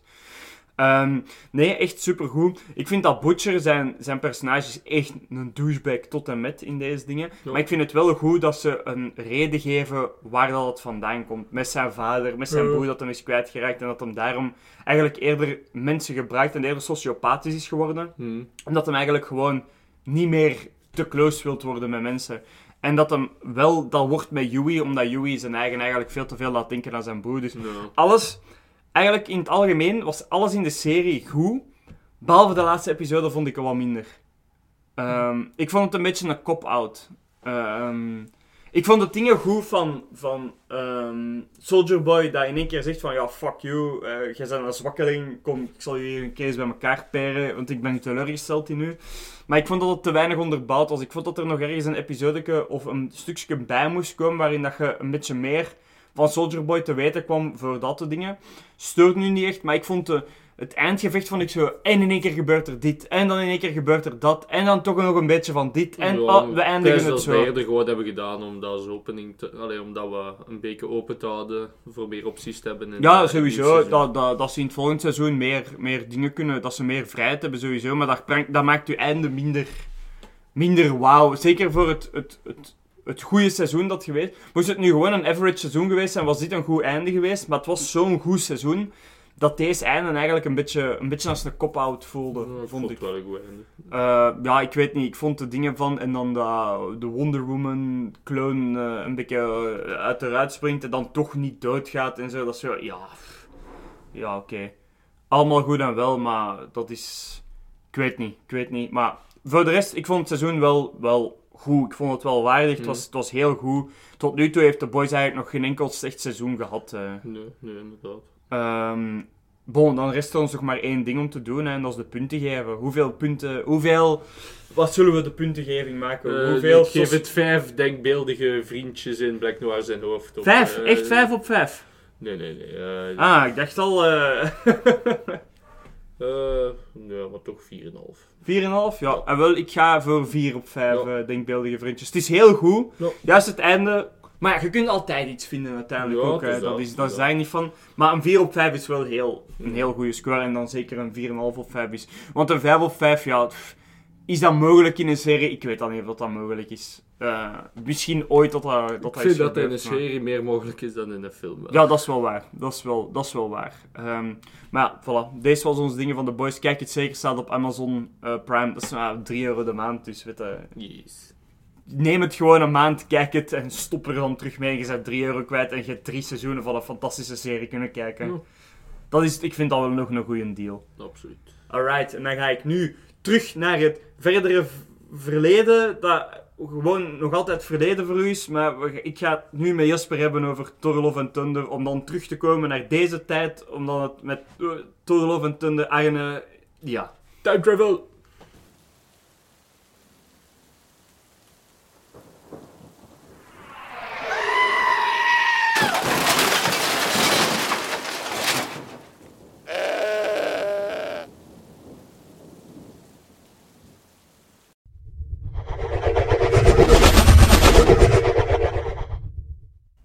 Oeh, oeh, oeh. Ja, ik ben nu terug vanuit het verleden, toekomst, verleden, toekomst, toekomst, verleden. Terug bij Jasper. Nadat ik het met Arne over de boys heb gehad. Wat nu eigenlijk nog niet gebeurd is op het moment van opname. Dus ik kan u niet zeggen hoe dat, dat gegaan is. At all. Magic. We zullen er maar vanuit gaan dat het fantastisch Dat is. was geweldig. Jasper was echt op de top. Ah, Jasper, Jasper was echt geweldig in dat stukje, omdat hij er niet in kwam. Spijtig zit hem wel in dit stuk. Maar ja, kijk, je kunt niet alles hebben in het leven. Hè. Niet elk stuk kan het beste stuk zijn. hè. Voilà, inderdaad. Eh, maar we gaan het eens hebben over Thor 4. Thor 4, Love and Thunder. We zullen eerst niet spoilers doen en dan spoilers, hè, het gebruikelijke. Omgekeerd zou nogal raar zijn, moesten we dat ineens beginnen doen. Ehm, wat vond u van Thor? Ik vond het goed. Wat vond u van Chris Hemsworth? Eh, zijn blote billen waren heel schoon. Ja, hè? En waarschijnlijk heeft hij ook een gigantische... Want al die vrouwen veel flauw als die zijn broek uitviel, dus ja. Ja, ja, waarschijnlijk. Ja, we kunnen maar Of misschien vielen ze flauw dat het zo klein was van alle testosteron dat hij al ingespoten heeft. Dat zullen we maar in het midden laten. In mijn hoofd kanon wil ik dat, dat hij toch zo één imperfectie heeft, die man. Die man mag niet te perfect zijn. Ja, anders is hij te dan, dan perfect. voelen wij ons te Die heeft talent, die ziet er goed uit. Ja, ik, ik, in deze film had ik echt het gevoel dat acteurs zich ook gewoon aan het amuseren waren. Ja. Ja, iedereen was echt gewoon... Maar dat had je ook al bij Ragnarok, hè. Ik denk dat dat kan, want Ja, ja, wel... dat ook. Ze zijn, eh, Daar zijn er toch films echt wel meer voor geworden. Ik denk dat Taika Waititi ook gewoon dat heel hard los kan brengen in, in mensen met wie dat hem samenwerkt. Want je voelt dat ook in Jojo Rabbit was dat ook wel. Hè. Dan hadden mensen ook gewoon keihard plezier met wat ze aan het doen waren. Hè. Fun fact eigenlijk over Jojo Rabbit. Taika Waititi is, heeft Hitler gespeeld omdat eigenlijk geen enkele acteur Hitler wou spelen. en heeft de studio op de duur gezegd, oké, we gaan de film nog altijd maken, maar als jij Hitler speelt. En ik vond dat eigenlijk redelijk goed En gespeeld. eh tegen- Taika heeft toen gezegd, ja, dat is goed, maar ik doe geen onderzoek naar hoe Hitler was. Ik doe het gewoon als ik hem gewoon compleet belachelijk kan maken. Ja, ik denk dat dat de enige manier is om het echt te brengen. Inderdaad, inderdaad. En ik is, vond, ik vond dat goed. Ik vond dat grappig. Ik, ik vond ook, het was echt een goede film. Het was echt een goede film. Ehm, maar ja, kijk. Thor, goede film. eh, goed vervolg op Ragnarok. Ook al vond ik Ragnarok nog net dat tikkeltje beter. Is dat omdat Ragnarok dan nieuwe was en dat dit gewoon het vervolg erop was? Kan, hè? Ja, Ragnarok heeft nog meer iets, nog wel een serieuzer kantje. Ja. Deze gaat ik gewoon helemaal los van. Het is Ja. vooral voor mij te lachen. Ja, inderdaad. Ehm, Het is al bijna meer een comedy als iets anders. Ja, en daar heb ik dan subiet nog wat meer over te vertellen natuurlijk, maar dat is voor, voor het spoilergedeelte. Maar overal, het is wel de moeite waard van naar de cinema te gaan. Eh, ik, zou, ik zou het echt wel aanraden. Het is ook echt een cinemafilm, hè. Ja, dat zag er ook allemaal weer prachtig uit. hè. Voilà, eh, het, is, het is echt een cinemafilm. Gaat hem zeker zien wanneer je kunt. Het is toch zomervakantie. Doe iets, ga naar de cinema. het gaat een hittegolf worden, ga in de airco zitten van de cinema. Veel beter. Twee uur afkoeling en je kunt een goede film zien. En Dit was het gezondheidsadvies van House of Geek. Ja, ga in de cinema zitten, want daar is airco. Mhm. en genoeg drinken. En genoeg, als je geld genoeg hebt. Ja, dat wordt een grotere vraag in de cinema Ja, dat is natuurlijk. inderdaad, maar- ja, de cinema dat is zo, ja, voor mij een cola alsjeblieft. Ja, 500 euro's. dat is toch? Eh, 500 nog net niet, maar het zou toch iets minder mogen Ja, zijn. het is toch al 320 euro's, maar kijk. Mm. Ehm Thor, Love and Thunder gaat hem zeker kijken. En dan gaan we nu over naar de spoilers. Spoilers! Spoilers! Spoilers! Als je dit alarm hoort, komen er spoilers. Spoilers. Spoilers, spoilers. We zijn er. Altijd maar die spoiler. Hoe gaan we het doen? gaan we eerst gewoon het verhaal overlopen en dan de goede puntjes en de slechte puntjes? Ja, Eh, ik we zullen gewoon het met dingen eerst overlopen. Ja, ehm, dus uh, Thor staat eigenlijk eh, op het punt vlak na ja, eh, Endgame. Allee, een paar maanden precies na Endgame, want hij is al wel even weg met eh The Guardians. Hij is van Deadbot naar Godbot gegaan, zoals dat eh Taika Waititi het zo prachtig zegt. Druk bezig met zijn midlife crisis. Ja, inderdaad. Hij houdt mensen op afstand. Eh, hij vindt The Guardians of the Galaxy leuker dan zij hem, precies. Ja, dat ik heb zo het gevoel dat hij zich wat heeft tussengevrongen. Ja, maar dat was echt al van, vanaf Infinity War dat hem zich gewoon aan het tussenwringen was. Dus dat was wel een mooie verderzetting daarop. Maar Thor gebruikt eigenlijk ook een beetje de comedy als een beetje een, een shielding-mechanisme voor zijn, zijn, zijn gevoelens dat hem heeft. En dat hem, eh, problemen weglachen. ja, inderdaad, want ja, hij heeft fucking veel meegemaakt. eh, problemen genoeg. Sinds eigenlijk dat, dat Thor Ragnarok heeft hij alleen nog maar miserie mee... Nee, eigenlijk sinds Thor The Dark World heeft hij alleen nog maar miserie meegemaakt, hè. Toch eigenlijk aan de beste miserie. Ja, inderdaad. Dan is een hele planeet geëxplodeerd. Ja, dat was al- alle mensen op dat Thor The schip nog Dark vermoord. Zijn ma dood, in Thor Ragnarok zijn pa dood, zijn zus blijkt evil te zijn, planeet gaat kapot. Infinity War gaan nog eens de helft van zijn mensen dood. Zijn broer gaat dood. zijn broer gaat dood. Denken we dan- ongeveer, soort van, dat is altijd zo vaak bij Loki. ja, ik denk dat hem nu wel... Die Loki is dood, want de Loki van de serie is een andere, hè. Ja, Ehm, en dan in dingen, in, eh, is hij degene die Thanos kon tegenhouden, maar het dan niet gedaan heeft en zo van die dingen. Dus die is echt wel, holy shit, dat die, dat die niet meer drankproblemen heeft dan dat hem had, is wel eh, bewonderingswaardig. Eh, maar hij is terug, hij is terug, hij is back. En ja, in het begin is het vooral lachen. Allee, het is eigenlijk heel de film vooral lachen, hè. oh, we hebben veel gelachen. Hij gaat mee met de Guardians. Hij gaat daar naar een planeet. Hij redt de planeet als een classic Thor adventure. Ja, ik weet niet in hoeverre dat we daar in detail van gaan treden.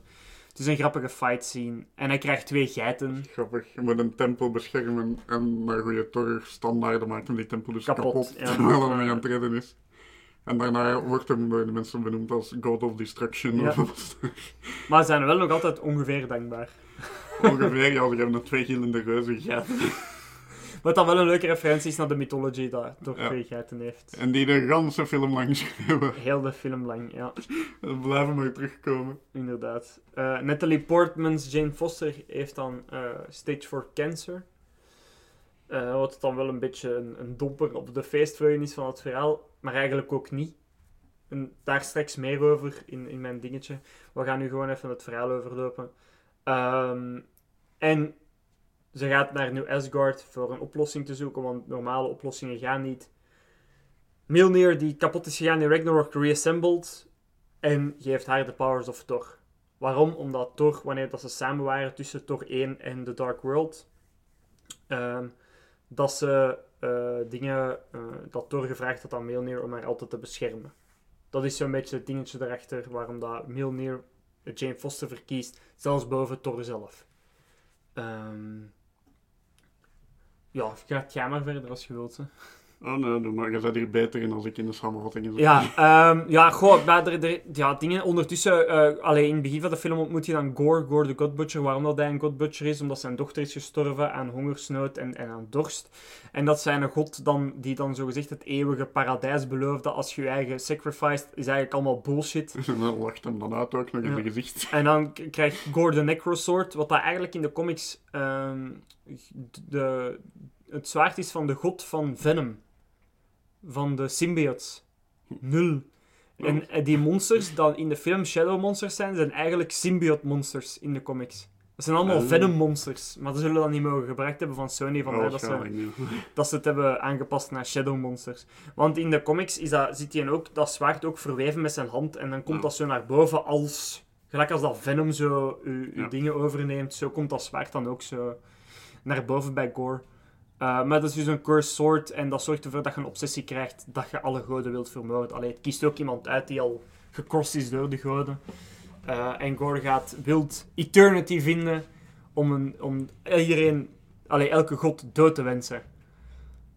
Waardoor dat hij dus eigenlijk gewoon de Bifrost moet vinden, allee, een dingetje vinden dat de Bifrost kan openen en dan zo naar Eternity kan gaan.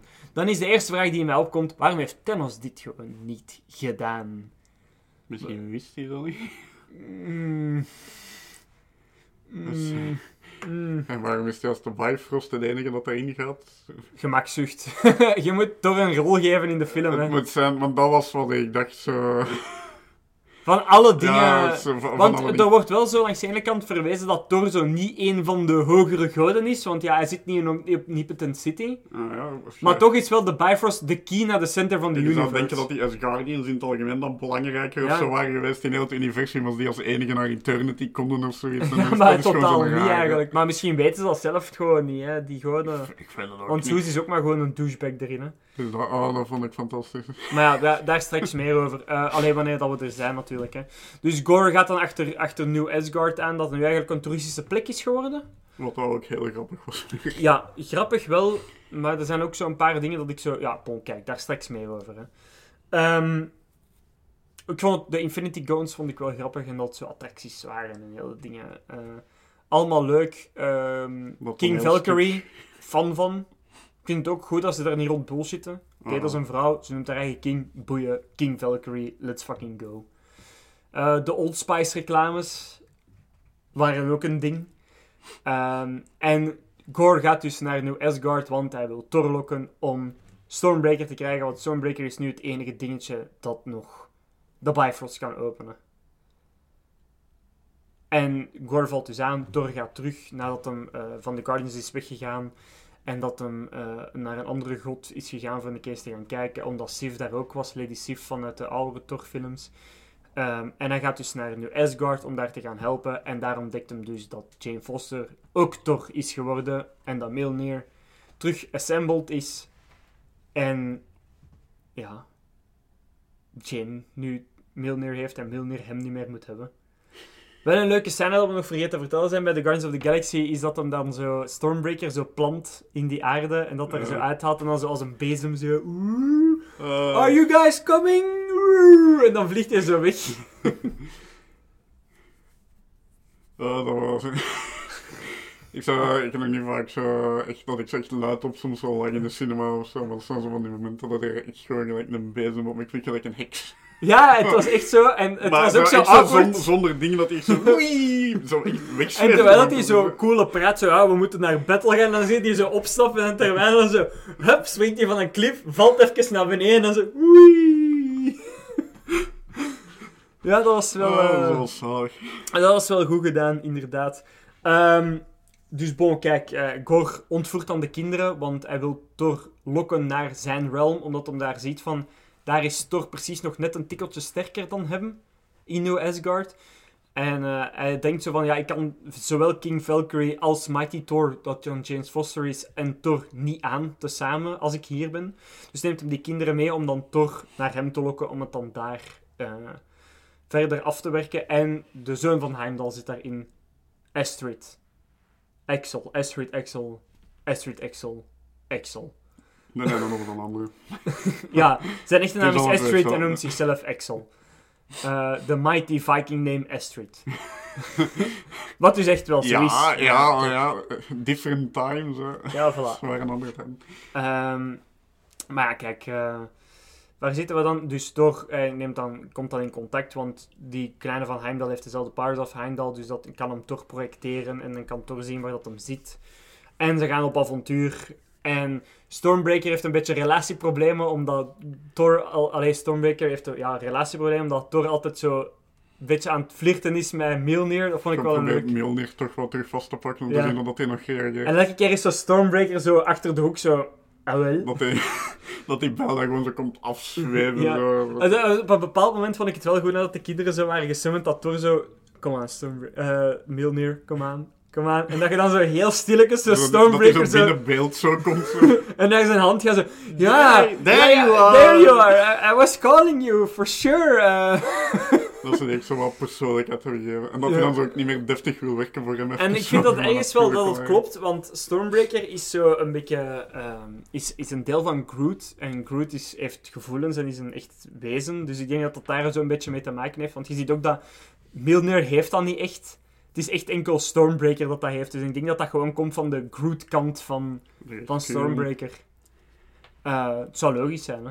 Ja, ik had Dat dat in de cinema nog tegen u gezegd. eh, die man heeft altijd relatieproblemen. Alles kan die Zelfs relatieproblemen met zijn wapen.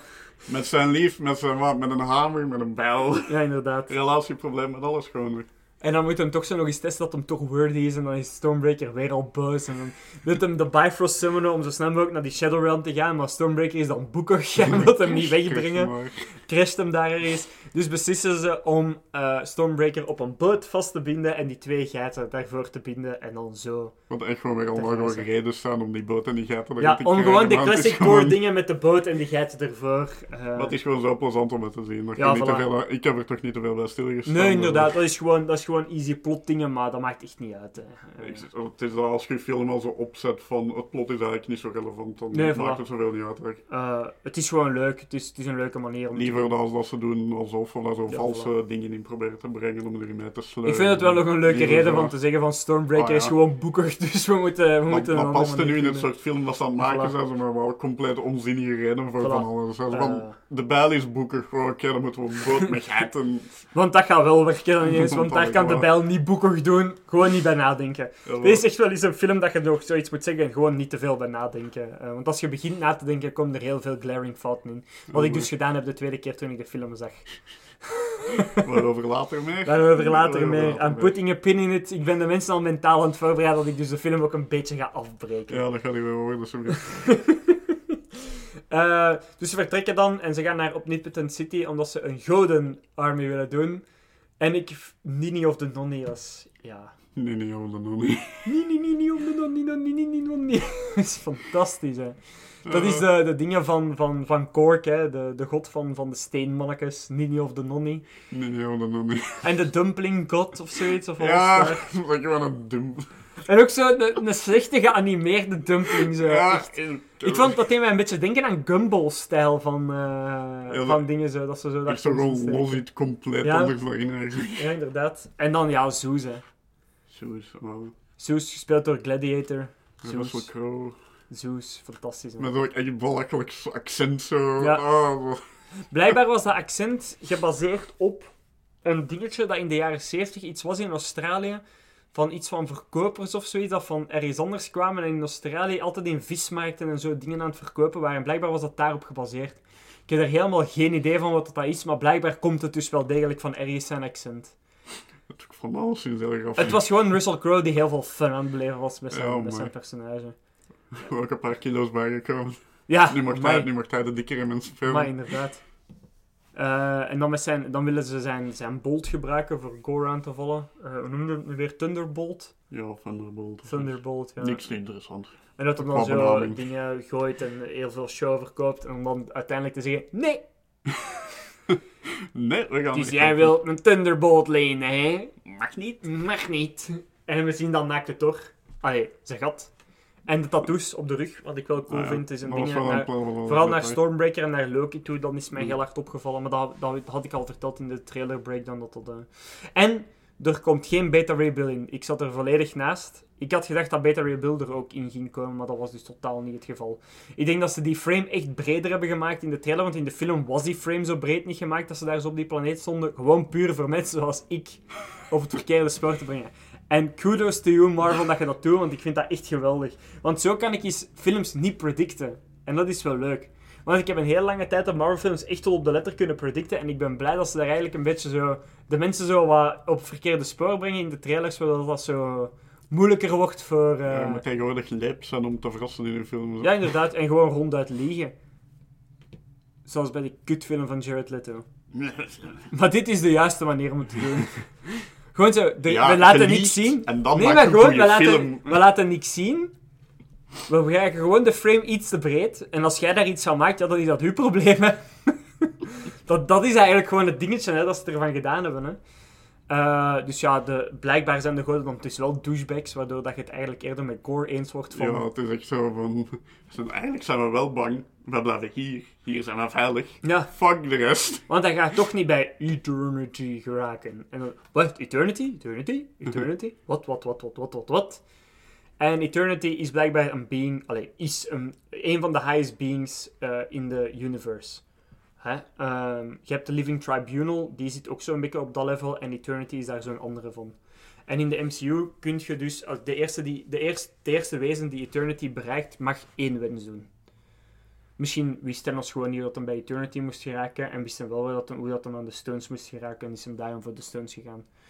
Want het dingetje bij de. Stones is, de Stones kun je meerdere malen gebruiken. Eternity maar één keer. Maar ja, bij Eternity zijn er dan geen gevolgen aan dat je half naar de saas bent als je die dingen gebruikt. Ja, Dat is het een tegenover het andere natuurlijk. Hè. misschien was alleen dat als Zwaard dat hem gezegd heeft, voordat hij er kon geraken en dat hij met Thanos dat niet wist of zo. Maar ja, het is wel duidelijk dat alle goden het wel wisten hè, van ja, Eternity. maar welke god gaat dan aan Thanos zeggen? Maar ja, Thanos was wel een beetje, viel wel een beetje onder die dingen als een Titan. Hè. Die is zo'n beetje onder dat, dat gedoe.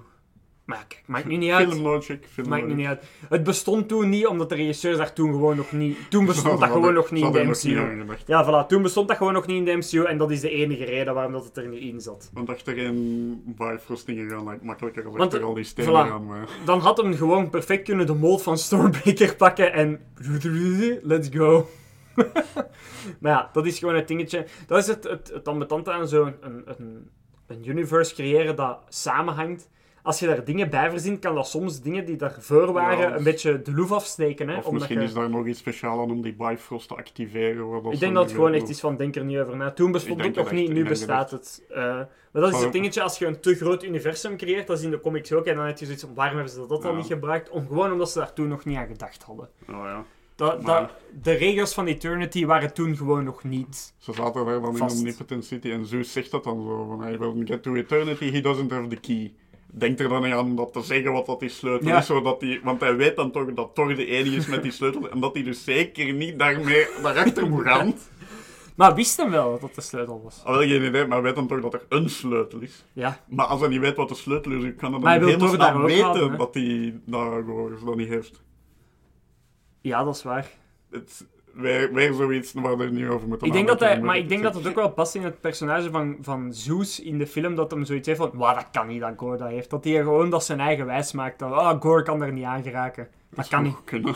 Ik denk dat dat gewoon het dingetje is van, want ik denk dat deze, deze steurde mij niet, omdat dingen is zo'n een, een ignorant lul. Zeus dat je nog zou denken van dat is gewoon iemand die pijst van nee, dat kan niet. Ja, Als ik dat niet doe, dan kan niemand dat niet. Dat is dat een nieuw level is. van douchebag. Ja, dat is... Ja, ik, ik geef Cole eigenlijk volledig gelijk aan om op, Nip- op Nippet City Ja, te zien. ja als, je, als je ziet wat voor goden dat daar tussen lopen. Eigenlijk, het merendeel is niet uit te staan eigenlijk. Hè. Nee, inderdaad. Maar ja, de, de leuke, de zogezegd de goede goden, die vind je dan alleen maar dood terug. Ja. Dus dat vind ik wel, dat ontbreekt aan de film. Er was geen balans. Je zegt, Thor was de enige goede god. Nee, de twee Thoren.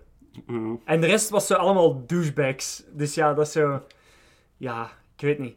Ik had, ik had bijvoorbeeld de, de... Nee, straks. Straks, straks. We gaan eerst verder met Wat de film. ik me nu wel even afvroeg, ik weet misschien dat jij dat weet, vanaf welk punt zijn ze dan nu eigenlijk goden? Eigenlijk, want ik weet nu in die Asgardians, je hebt Thor is dan een god, Odin is een god, zijn al die Asgardians goden? Of Nee, is dat gewoon Ik denk ehm, dat eh, in de, hoe dat ze het in de vroegere Thor-films lieten uitschijnen, was dat de Royal Family de goden zijn. Omdat die nog extra powers hebben met die extra wapens en met die extra dingen.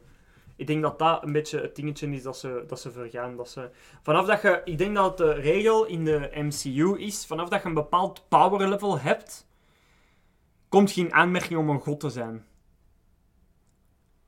Ik denk dat dat het gewoon is. Want uiteindelijk is, is Thor, het enige verschil tussen een gewone Asgardian en Thor is, is dat hem dat royal blood heeft, waardoor dat hem sterker is en dat hem die wapens kan wielden. En dat hem dan daardoor ook die powers in zijn eigen unlocked heeft. Zou je ook aanbeden moeten worden voor te tellen als goden, of is dat niet relevant? Ik denk niet dat dat relevant is, want ik denk Oh. dat dat, ik denk dat, dat een dingetje is om te zien hoe hoog in de ranking dat je staat als god. Maar ik denk niet dat dat relevant is in het feit van je zet een god of niet. Oh. Ik denk dat je begint als lowlife god en hoe meer volgers dat je hebt, hoe meer dat je hoger geraakt en dan uiteindelijk in die Omnipotent City geraakt. Maar ik denk dat je vanaf dat je gewoon een bepaald power level hebt, dat je aanzien wordt als een god in de MCU, denk ik. Hè? Zo leek het voor mij Ja, de dingen te zijn van Thor Love and Thunder. Dat je gewoon een bepaald power level moet hebben. Want waarom is Heimdall wel een god en zijn zoon niet? Omdat hem nog niet dat power level heeft. Ja, dat is het probleem dat altijd. Omdat als je zoveel van die supersterke wezens ook gewoon hebt, die Ja. ook gewoon geen goden zijn, is het moeilijk om te zeggen waar is een god en waar niet. Want je hebt dan... Allee, ook omdat dat dan vaak verschillende alienrassen dan ook zijn, dan maakt het nog wat verwarrender. Je hebt dan die Nini of de Nonni. Nee, niet Hoe op is- de Nonnie. Nini of de Nonni is die dan een god. En die god in het begin die als eerste dan wordt vermoord door, eh, Ja. door de god Butcher, die heeft dan ook zo goud bloed zo. En Soes en die andere mannen die daar rond die zijn bewakers, die hadden ook zo goud bloed eigenlijk had ik had gezien. Zijn die dan van dezelfde ras? Of... Het, het is zo wat verwarrend hier en daar soms. Of is dat gewoon als je ge- geïnitieerd wordt als god, verandert dat een beetje? Maar het is bij Thor of Loki of Odin of zo, dat toch nooit, Nee. dat hebben we nooit gezien, goud bloed. Dus ik denk misschien is het, zijn die gewoon van hetzelfde ras, of hebben die Ja, met elkaar die- gemeen. En is Ja. dat zo misschien? En kun je ook op een andere manier een god worden, maar zijn zij zo'n beetje de OG dingen? Ja. hè? Dat kan wel, hè? Ja, Dat zij zo de mainline zijn en dat je ook, als je power level hoog genoeg is, ook een god kunt worden. ja, Denk ik. Want ja, toen in die uh, Omnipotent City zag je ook veel verschillende rassen van groottes en Ja. dingen, daar verschillende culturen en van alles en zo. Dus alle... een eenduidige uitleg hebben we niet, dus uh, het is Ja, want het is ook, het is duidelijk al gemaakt dat in de vorige Thor-films dat, dat de, de Asgardians gewoon technologie hebben Ja. dat op magie lijkt voor ons.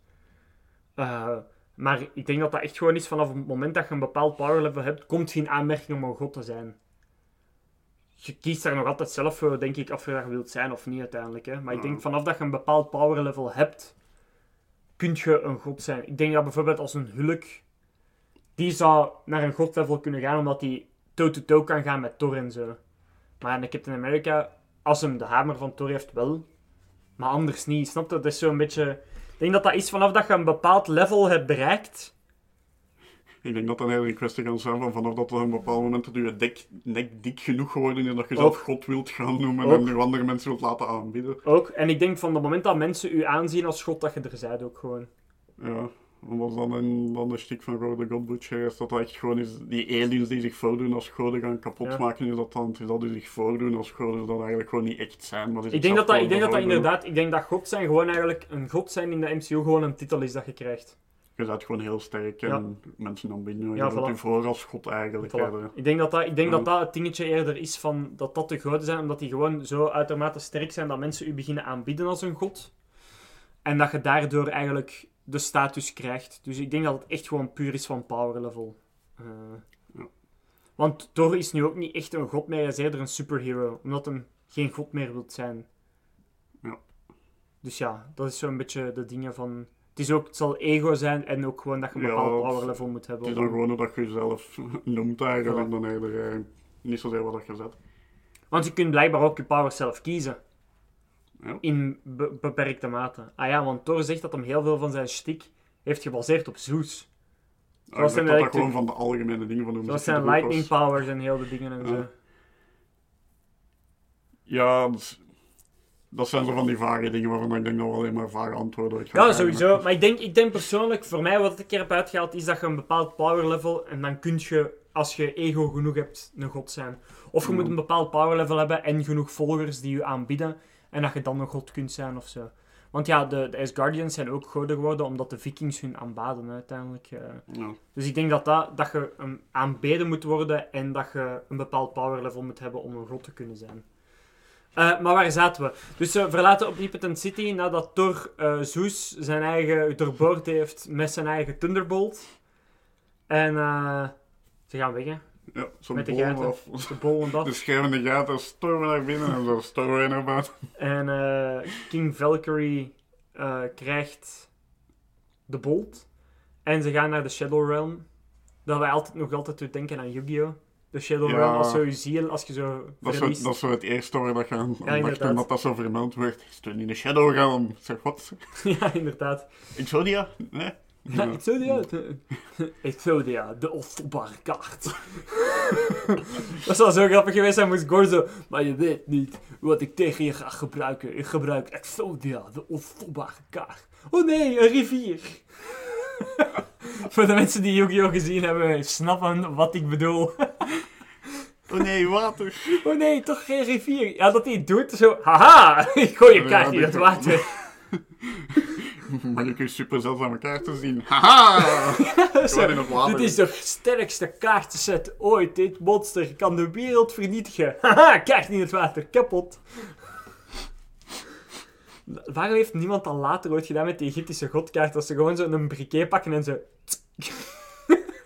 Ja, dat zouden denken. hè. Dit Maar- is beter als we die kaarten gewoon opbranden. we, hebben, we hebben al een bodemloze put aan de gaten in Thor Love and Thunder. Laten we nu niet aan Yu-Gi-Oh! Yu-Gi-Oh! Dat, dat kun je niet. Dat eerste seizoen is ook gewoon zo plot. plot wil dit, het gebeurt. Want er waren ook totaal geen regels rond dat spel toen. Hè. Nee, nee, de, Dat is pas vanaf seizoen 2 dat het erin is gekomen. Hè. Ja, en daarna veranderde de normen zo. Ja, inderdaad. Eigenlijk naar hoe lang dat ook moest doen. Eh, dat was ook altijd zo, oh, Yugi heeft in één keer een kaart dat hij ervoor nooit gehad heeft, maar dat hij nu net op deze moment nodig heeft om de battle te winnen. En deze kaart heb ik altijd al gehad. Ik heb hem gewoon nooit eerder getrokken. Beloofd hoor, echt waar. Ik vind dat ze ooit zo'n moment hadden moeten doen, dat ze zo een stiftje dat hem zo op een kaart aan tekenen en zo, Yugi, wat het gaat doen? Niks. I'm believing in the heart of the card. Shut up. Ben je nu echt letterlijk een kaart aan tekenen? Nee. maar bon, toch. Ze komen in de Shadow Realm en eh, ja, het, het gevecht breekt uit, hè, want Het het is een natuurlijk een trap. Ja, het is een trap. Het gevecht breekt... Wel een mooi gevecht, als zo die Shadow Beasts zo naar boven komen. Ja, dat vind ik wel het mooiste gevecht Dat was van heel goed gedaan. Dat Met dat, dat zwart-wit en dan dat kleur Ja. met je wapens ook en en, zo. en dat ze dan op zo'n klein planeetje zaten. Zo. Ja, En dat dat zo ook even perspectief was dat leren dat ze nog keihard waren en zo bak tegen de planeet met een boot. met die gaten. En dat dan Natalie Portman, allee, Jane Foster, gewoon Stormbreaker pakt en jeet. Wegjeet en dat toch zo zegt van... Waarom heb je mijn wapen juist... Waar- waarom heb je mijn wapen waarmee dat ik de bad guy kan verslaan net weggejeet? Ah, ja, want het is daar dat ze er dan achter kwamen dat hij die nodig had Voilà, voor ja, want hij had dat getekend. Iep, iep, Ja, want ja, waarom ook niet? dan? Inderdaad. Je moet, de good guy moet het toch op een manier te weten komen. Oh ja, oh ja. Ehm, ze verliezen dan dat gevecht eigenlijk. Eh, ze moeten ja, terugtrekken. Jane wordt dan gegijzeld, is dat zeker. En wordt dan afgedreven dat hij Ja. Stormbreaker terugroept. En Wat hij dan doet. Dingen. eh, En dan ontsnappen ze, maar oh, oh grijpt hij ook vast terwijl als ze willen wegvliegen. en, en zij vliegen weg en Stormbreaker blijft achter. Wat eigenlijk een slechte mechanic is. Ik vind als Stormbreaker dan gegrepen wordt dat de portaal zou moeten stoppen, want... Dat zou je denken. Hè. Want dat kan toch altijd... Als je dan per ongeluk bijvoorbeeld Stormbreaker zal laten vallen, terwijl dat je dat aan het doen bent, dan zet je hem kwijt. Ah ja, ik zou er dan denken dat dat zo automatisch toegaat als de Stormbreaker Want met hoe door ver is. en dat geraakt daar die connectie van- Die te roepen. Als je nu aan de andere kant van de galaxy zit, werkt dat dan nog? Dat je die roept? Of moet je dan gewoon zo weken wachten voordat hij terug bij u is? Is, we hebben net gezegd dat we een hele hoop gaten gingen negeren omdat het geen punt had om te discussiëren. We gaan er nu Maar ook deze niet vond ik de grappige van, van te denken van, opent hij dan nog een Bifrost om naar u te komen? Of is hij gewoon echt zo tien weken onderweg? Dat is een heel goede vraag. Je ziet echt zo'n Stormbreaker zo'n keilange reis door het universum. Ik, waarschijnlijk niet, anders zou dat waarschijnlijk wel gedaan hebben om ervoor te zorgen dat Gore die niet had, maar blijkbaar niet. Ja, maar ja, Gord steekt hem direct vast met die shadow Ja, wezens. maar hij dus- moet toch eerst tot daar gaan voordat hij die kan vaststeken. Als hij direct naar dat gaan komt en terugroept. Dan Ja, we gaan er niet verder over nadenken. Ja, nee, de discussie daar. Eh, en dan komt je eigenlijk te weten dat, dat eigenlijk Jane Foster nog meer aan het vermoorden is. Hè? Mm. Omdat Mjolnir gebruiken verrekt zoveel kracht van haar, dat haar lichaam eigenlijk geen kracht meer over heeft om de kanker te bestrijden. Waardoor ze eigenlijk zieker en zieker wordt elke keer als ze Mjolnir gebruikt, wat rechtstreeks ook uit de Mighty Thor comics komt. Ze noemt er zelf ook dan ook de Mighty Thor als knipoog daar naartoe. Ja, is daarin ook zo'n slechte catchphrases? Nee, dat is iets van de film. Maar ik vond dat wel een leuk, een leuk extraatje natuurlijk. Ehm Valkyrie is neergestoken en die heeft zoiets van, nah, het is oké. Ik heb genoeg avontuur gehad voor deze film.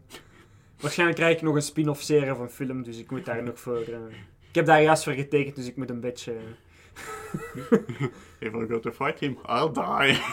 Ja, voilà, dus eh, doe maar. Voor de rest was het, ik wil sterven in battle, maar toen kreeg ze een contract van Disney voor nog een spin-off film of serie en dan was ja, hij niet allee, ja, dat had uw gedachten niet veranderd. Ja, voilà, inderdaad. Zo. Eh, wel 15 miljoen, ja, weet je, door, eh, ik, ik zal wel nog een beetje koning spelen. dus Thor gaat eerst alleen terug, want Jane en Thor zijn dan terug een ding. Zijn terug een koppeltje geworden. En wil dan liever niet dat Jane Foster ja. sterft aan agressieve kanker. Dus zegt van, laat Mjolnir liggen. Ik ga Ja, wel... daarna, hij zegt van, daarna, als je beter bent, kunnen we als Thor en Thor op avontuur gaan, zoveel als dat je wilt. Maar laat het nu gewoon even voor wat het is. Eh, Thor vindt ineens de weg naar Eternity. Want waarom ook niet, hè? De onvindbare deur wordt ineens gevonden. Maar ja, natuurlijk, de zoon van Heimdall was daar. Ja, dus misschien via die connectie dat hem wel... Ja, ik weet niet, iedereen weet dus blijkbaar wat dat inderdaad is. Of, of is dat inderdaad zo dat goden misschien gewoon weten? Ik denk dat, ik denk dat. Ik En of, het kan ook gewoon zijn omdat, de, omdat Axel daar is, dat Thor dan weer zo via die dingen, dat ze dat gewoon niet laten zien. Maar ja, dat is weer al zoiets van... Ja, Ik vind wel dat ze in hadden de- mogen laten zien, hoe dat hem daar terug geraakt is. Want dat steurt me wel een beetje van... Ah ja, de plot heeft het nodig, dus eh hij weet in één keer waar dat is. Dat is zo, ja... Dat is een beetje lazy writing voor mij. Ja, misschien hadden geen zin meer om dat er ook nog in te plakken. Want anders, anders moesten ze dan weer zo van, ah ja, connectie met Axel. En dan op weer naar daar. Ja. En we hebben dat eigenlijk al Maar je gaat dat gewoon perfect kunnen laten zien van... eh, zo van gewoon Axel met zijn gele ogen, dat hij zegt, Thor, please, kom. En dan, voep, en Thor komt af. Mm. Zo had je dat perfect in een halve seconde kunnen, hup, opgelost hebben, vind ik. Ja, maar dan had Thor niet kunnen vertrekken en dan hadden we moeten wachten tot hem geroepen werd. Dat is gewoon een andere scène, ja. Het het, eh, wat dat zo gedaan hadden. Die Valkyrie heeft een contract getekend waardoor ze niet meer verder kan vechten zijn. Dat was niet nodig geweest. Hè. Er is een hele hoop dat niet nodig was geweest. Ja, maar ja, ik bedoel, dat had, je, had dat een betere scène geweest. Hè. ja, ja. Maar bon, dus Thor geeft alle kinderen daar tijdelijk de powers of Thor. Omdat hem nu eigenlijk... En dat is eigenlijk ook wel, hè. hij is nu de Allfather. Hè. Want. Odin is dood, dus hij heeft de Allfather power nu. Hè. Waardoor dat hem dus ook krachten kan geven aan andere mensen. Ja, ik ga zelfs niet over speculeren over dat dat allemaal is. Ja, maar dat is het dingetje. Dat is een van de krachten van Odin. Dat Dat, hij kan eh, mensen of Asgardians uitkiezen om krachten te geven. Hij bepaalt blijkbaar wie dat de krachten krijgt en wie niet. Mm. Buiten dan de magicians zoals Loki en zo, want dat is dan via een andere brand. Want je had twee soorten Noorse goden. hè. Je had de goden van de oorlog en je had de goden van de landbouw en de natuur en de dingen. En de kant van de De moeder... En de. Voilà. En de kant van... De kant van de, de moeder is eerder die van de, de vrede en de landbouw en de, de, de natuur en de dingen. Terwijl dat Odin is van de oorlog en de whatever. Hè. Dus ik denk dat, dat die soort krachten van Odin verder komen, dat hij beslist. Net zoals dat de moeder van Thor kon beslissen van jij krijgt magie en jij krijgt magie en jij krijgt magie. Ik denk dat dat een beetje ook de dingen daarvan is. En dat dat die Allfather power dan is dat Thor nu ook heeft, zodat hem ook powers kan Mm. geven aan, aan die kinderen, tijdelijk dan. Ehm, en de hel breekt los, hè. Dus de kinderen en Thor vechten tegen de Shadow Monsters en Gore. En Thor dreigt te verliezen. En wie verschijnt daar? Jane Foster. Want ja, Hij had de hamer niet meegenomen. hij had de hamer niet mee. Dat was het eerste dat door mijn kop kwam. Hij heeft die hamer niet meegenomen. Ja, zoiets gaat Jane Ja. Foster naar waarschijnlijk. Inderdaad. Hij had de hamer niet meegenomen. Dus ja, Jane Foster komt daar. Je weet, hij weet ook direct van, ja, dit is het einde. En Jane Foster heeft zoiets van, laten we dat gewoon hier afwerken en dan zien we wel verder. Eh, uiteindelijk verslaan ze Gore, maar de poort naar Eternity is al geopend. en in plaats van dat ze dan Gore gewoon zo met die, met die Thunderbolt zo, hup, door zijn hoofd en het is gedaan. Nee, laat ze die een tijd genoeg om zo heel traag door die poort te Ja. kruipen om toch naar Eternity te gaan. Jane ligt daar dan te sterven. Hij is bezig. Ja, maar als je nu gewoon die Thunderbolt, hup, door zijn hoofd en dan zelf naar binnen gaat en wenst van, Jane heeft geen kanker meer. Yay! Ja, maar dan heb je geen conflict meer op het einde. Nee, dat is waar. Maar eerst, logisch gezien hadden ze het zo kunnen oplossen. Ja, logisch, logisch gezien waren er heel veel manieren om heel die gezien- situatie ja. te voorkomen. Logisch gezien was Thor ook voor de head gegaan bij Thanos en was de hele snap niet gebeurd. ja, ze hebben dan de necrosoort kapot gemaakt zeker. Ja. En daarmee al de de resterende kracht van Jane opgebruikt. Ja, En dan ligt ze daartussen te sterven. En dan worden ze meegeteleporteerd. Allee, de kinderen worden terug naar huis geteleporteerd met Stormbreaker. Ehm, en dan worden zij geteleporteerd naar Eternity. Ehm, en Gore wenst voor zijn dochter terug. Ik had toen gedacht dat hem voor Jane Foster terug, omdat hem zo, hij wil liefde, want hij heeft een beetje zijn redemption gekregen. Maar hij kiest eigenlijk voor zijn eigen liefde terug te brengen. Ja. Thor doet de sad speech. En dan verandert hem van gedachten. Maar het zwaard is ook kapot, dus zijn invloed zal ook wel eens... Ja, voilà. Ik denk dat dat, ik denk dat, dat ook de grootste dingen er ook wel tussen zitten. En fun fact, de dochter van Gore wordt gespeeld door de dochter van Chris Hemsworth. Dus dat is wel degelijk zijn dochter in het echt. Eh, dat is wel, ik vind dat wel iets van... Hele familie is weer in die film. Ja, de, de- zijn, zijn andere broer, Liam Hemsworth, is ook al een acteur. Dus ja, dat is zo'n beetje... En zijn andere broer in het echt speelt de Thor uit toneelstukjes. Ja, dat, Dat is de derde Hemsworth broer. Ze Dus- deden- ze hadden daar in dat Asgard-stuk zo dat ze een toneeltje deden over ah, dat Odin gestorven was en dat heel hadden opkwam. En dat is, dat is dus de Dat andere, dat is de oudste van de Hemsworths. Dat is eigenlijk een familie van mooie mensen, hè. Als je die drie broers beziet, ze komen voor, ja. dat zijn drie mooie mensen gewoon, hè. Dat is niet te doen, hè. Die Liam Hemsworth, die Chris Hemsworth en die een derde, dat zijn echt... Allee, jong. Dat is toch niet oké, hè. Dat is, de wereld is oneerlijk. Is niet gelijk verdeeld. Nee, inderdaad. Dus ja, eh, Eternity brengt dan die dochter terug. En je ziet zo in, eh, in de reflectie dat zij ook zo die vorm heeft van Eternity, zo die space dingen. en eigenlijk zo. Eternity dat dat kind geworden is. Ja, uiteindelijk wel. Eh, maar daar heb ik straks meer over, over wie dat, dat misschien kan zijn. Want ik heb je toen direct na de film gezegd, hm, dat moet ik eens opzoeken eh, wie dat, dat zou kunnen zijn. Maar dat is zo'n beetje het verhaal. Ehm, als fan, de eerste keer was ik er heel blij mee. Maar er zijn wel wat glaring dingen dat ik zoiets heb van... En dat ligt voor mij puur aan dat Disney niet durft. Disney is de brand van de safe movies. Vandaar dat ik ook geen fan ben dat Disney zoveel aan het opkopen is. Want Disney wil alleen maar safe. Safe is good. En ik vind dat dat niet altijd ehm, evenveel tot zijn, tot zijn recht komt. Eh, als je snapt wat ik bedoel. Heb jij nog iets toe te voegen voordat ik begin aan de, de puntjes dat ik heb opgeschreven? Eh, ik vond het einde nog wel schoon, gewoon de manier waarop het eindigde eigenlijk gewoon. Ja. want Thor, Thor en die, die kleine blijven dan heel achter, Ja. want Shane en eh, Gore zijn, sterven dan alle twee niet. Uh, is al van Eternity daar en eh, Thor wordt dan Thor vader. Ja. Van Love. Love and Thunder. Love and Thunder. En dan ook de post-credit scene dat Valhalla wel degelijk een pocket dimensie Ja. is eigenlijk. eh. En dan Jane Foster daar dan terechtkomt. Ja. Maar dat hij dan zo voor vader moet spelen en ruzie maken, even over de schoenen aan doen en zo, en weggaan en zo. En ik dat wist is niet wat gaan die nu doen. Met die waskoos zo op, op Mjolnir hebben getekend. ja, dat hij daar gezicht op getekend heeft. En dat hij dan zo gewoon gaan vechten. Zo, Misschien dat ze zo'n schooldag, maar nee, ze gaan gewoon vechten. Ik dacht eerst wel van, gaat hij nu een schooldag doen of zo? Nee, stappen naar de ruimteschip en naar het strand, of waar de mensen tegen hen En gaan ik, vechten. ik vind, ben er verbaasd van dat jij niet kwaad werd. Dat ze penflaps niet leuker vindt. Penflaps, ja. Maar ja, het zal Amerikaanse stijl geweest zijn. hè. Ja, toch inderdaad. wel- Ze heeft geen echte pannenkoeken. zijn geen crepes, hè. Nee, zijn geen, echte- geen crepes. Geen crepes. maar ja, dat is dus de film. Eh, wat is u overal gedacht ervan? Eh, overal, eh, ik had al aan begin maar ik vond het een goede film. Allee, je weet dat ik zei, met gewoon mindless fun zo af en toe. ofwel heb ik een film die goed doordacht is en deftig moet doordenken, ofwel gewoon liever niet dan, dan zo dat halverwege tussenin, we weten niet deftig wat we willen. Al de seriositeiten is er zo'n beetje uitgesneden. Je hebt nog wel op het einde dan de situatie met Jane Foster natuurlijk. Maar zelfs daar wordt redelijk licht over gegaan. Het is niet alsof we eerst nog een hele depressie of zo van toch krijgen en heel de dingen. We gaan gewoon door. Ja, het gaat dan vaart door. Er wordt niet te veel bij stilgestaan ook niet. Ik heb veel gelachen. Wat dat voor mij altijd een groot pluspunt Het was is een goede comedy, hè? Het was een goede Het comedy. was een goede comedy. Wat er raar is gezien de onderwerpen die soms aankwamen, maar het was gewoon heel grappig met momenten. Hè. Helemaal mee eens. Overal, ik ben een grote voorstander. Vooral bij deze personage, denk ik dat hij ook gewoon beter past nu met de richting dat ze erin zijn uitgegaan.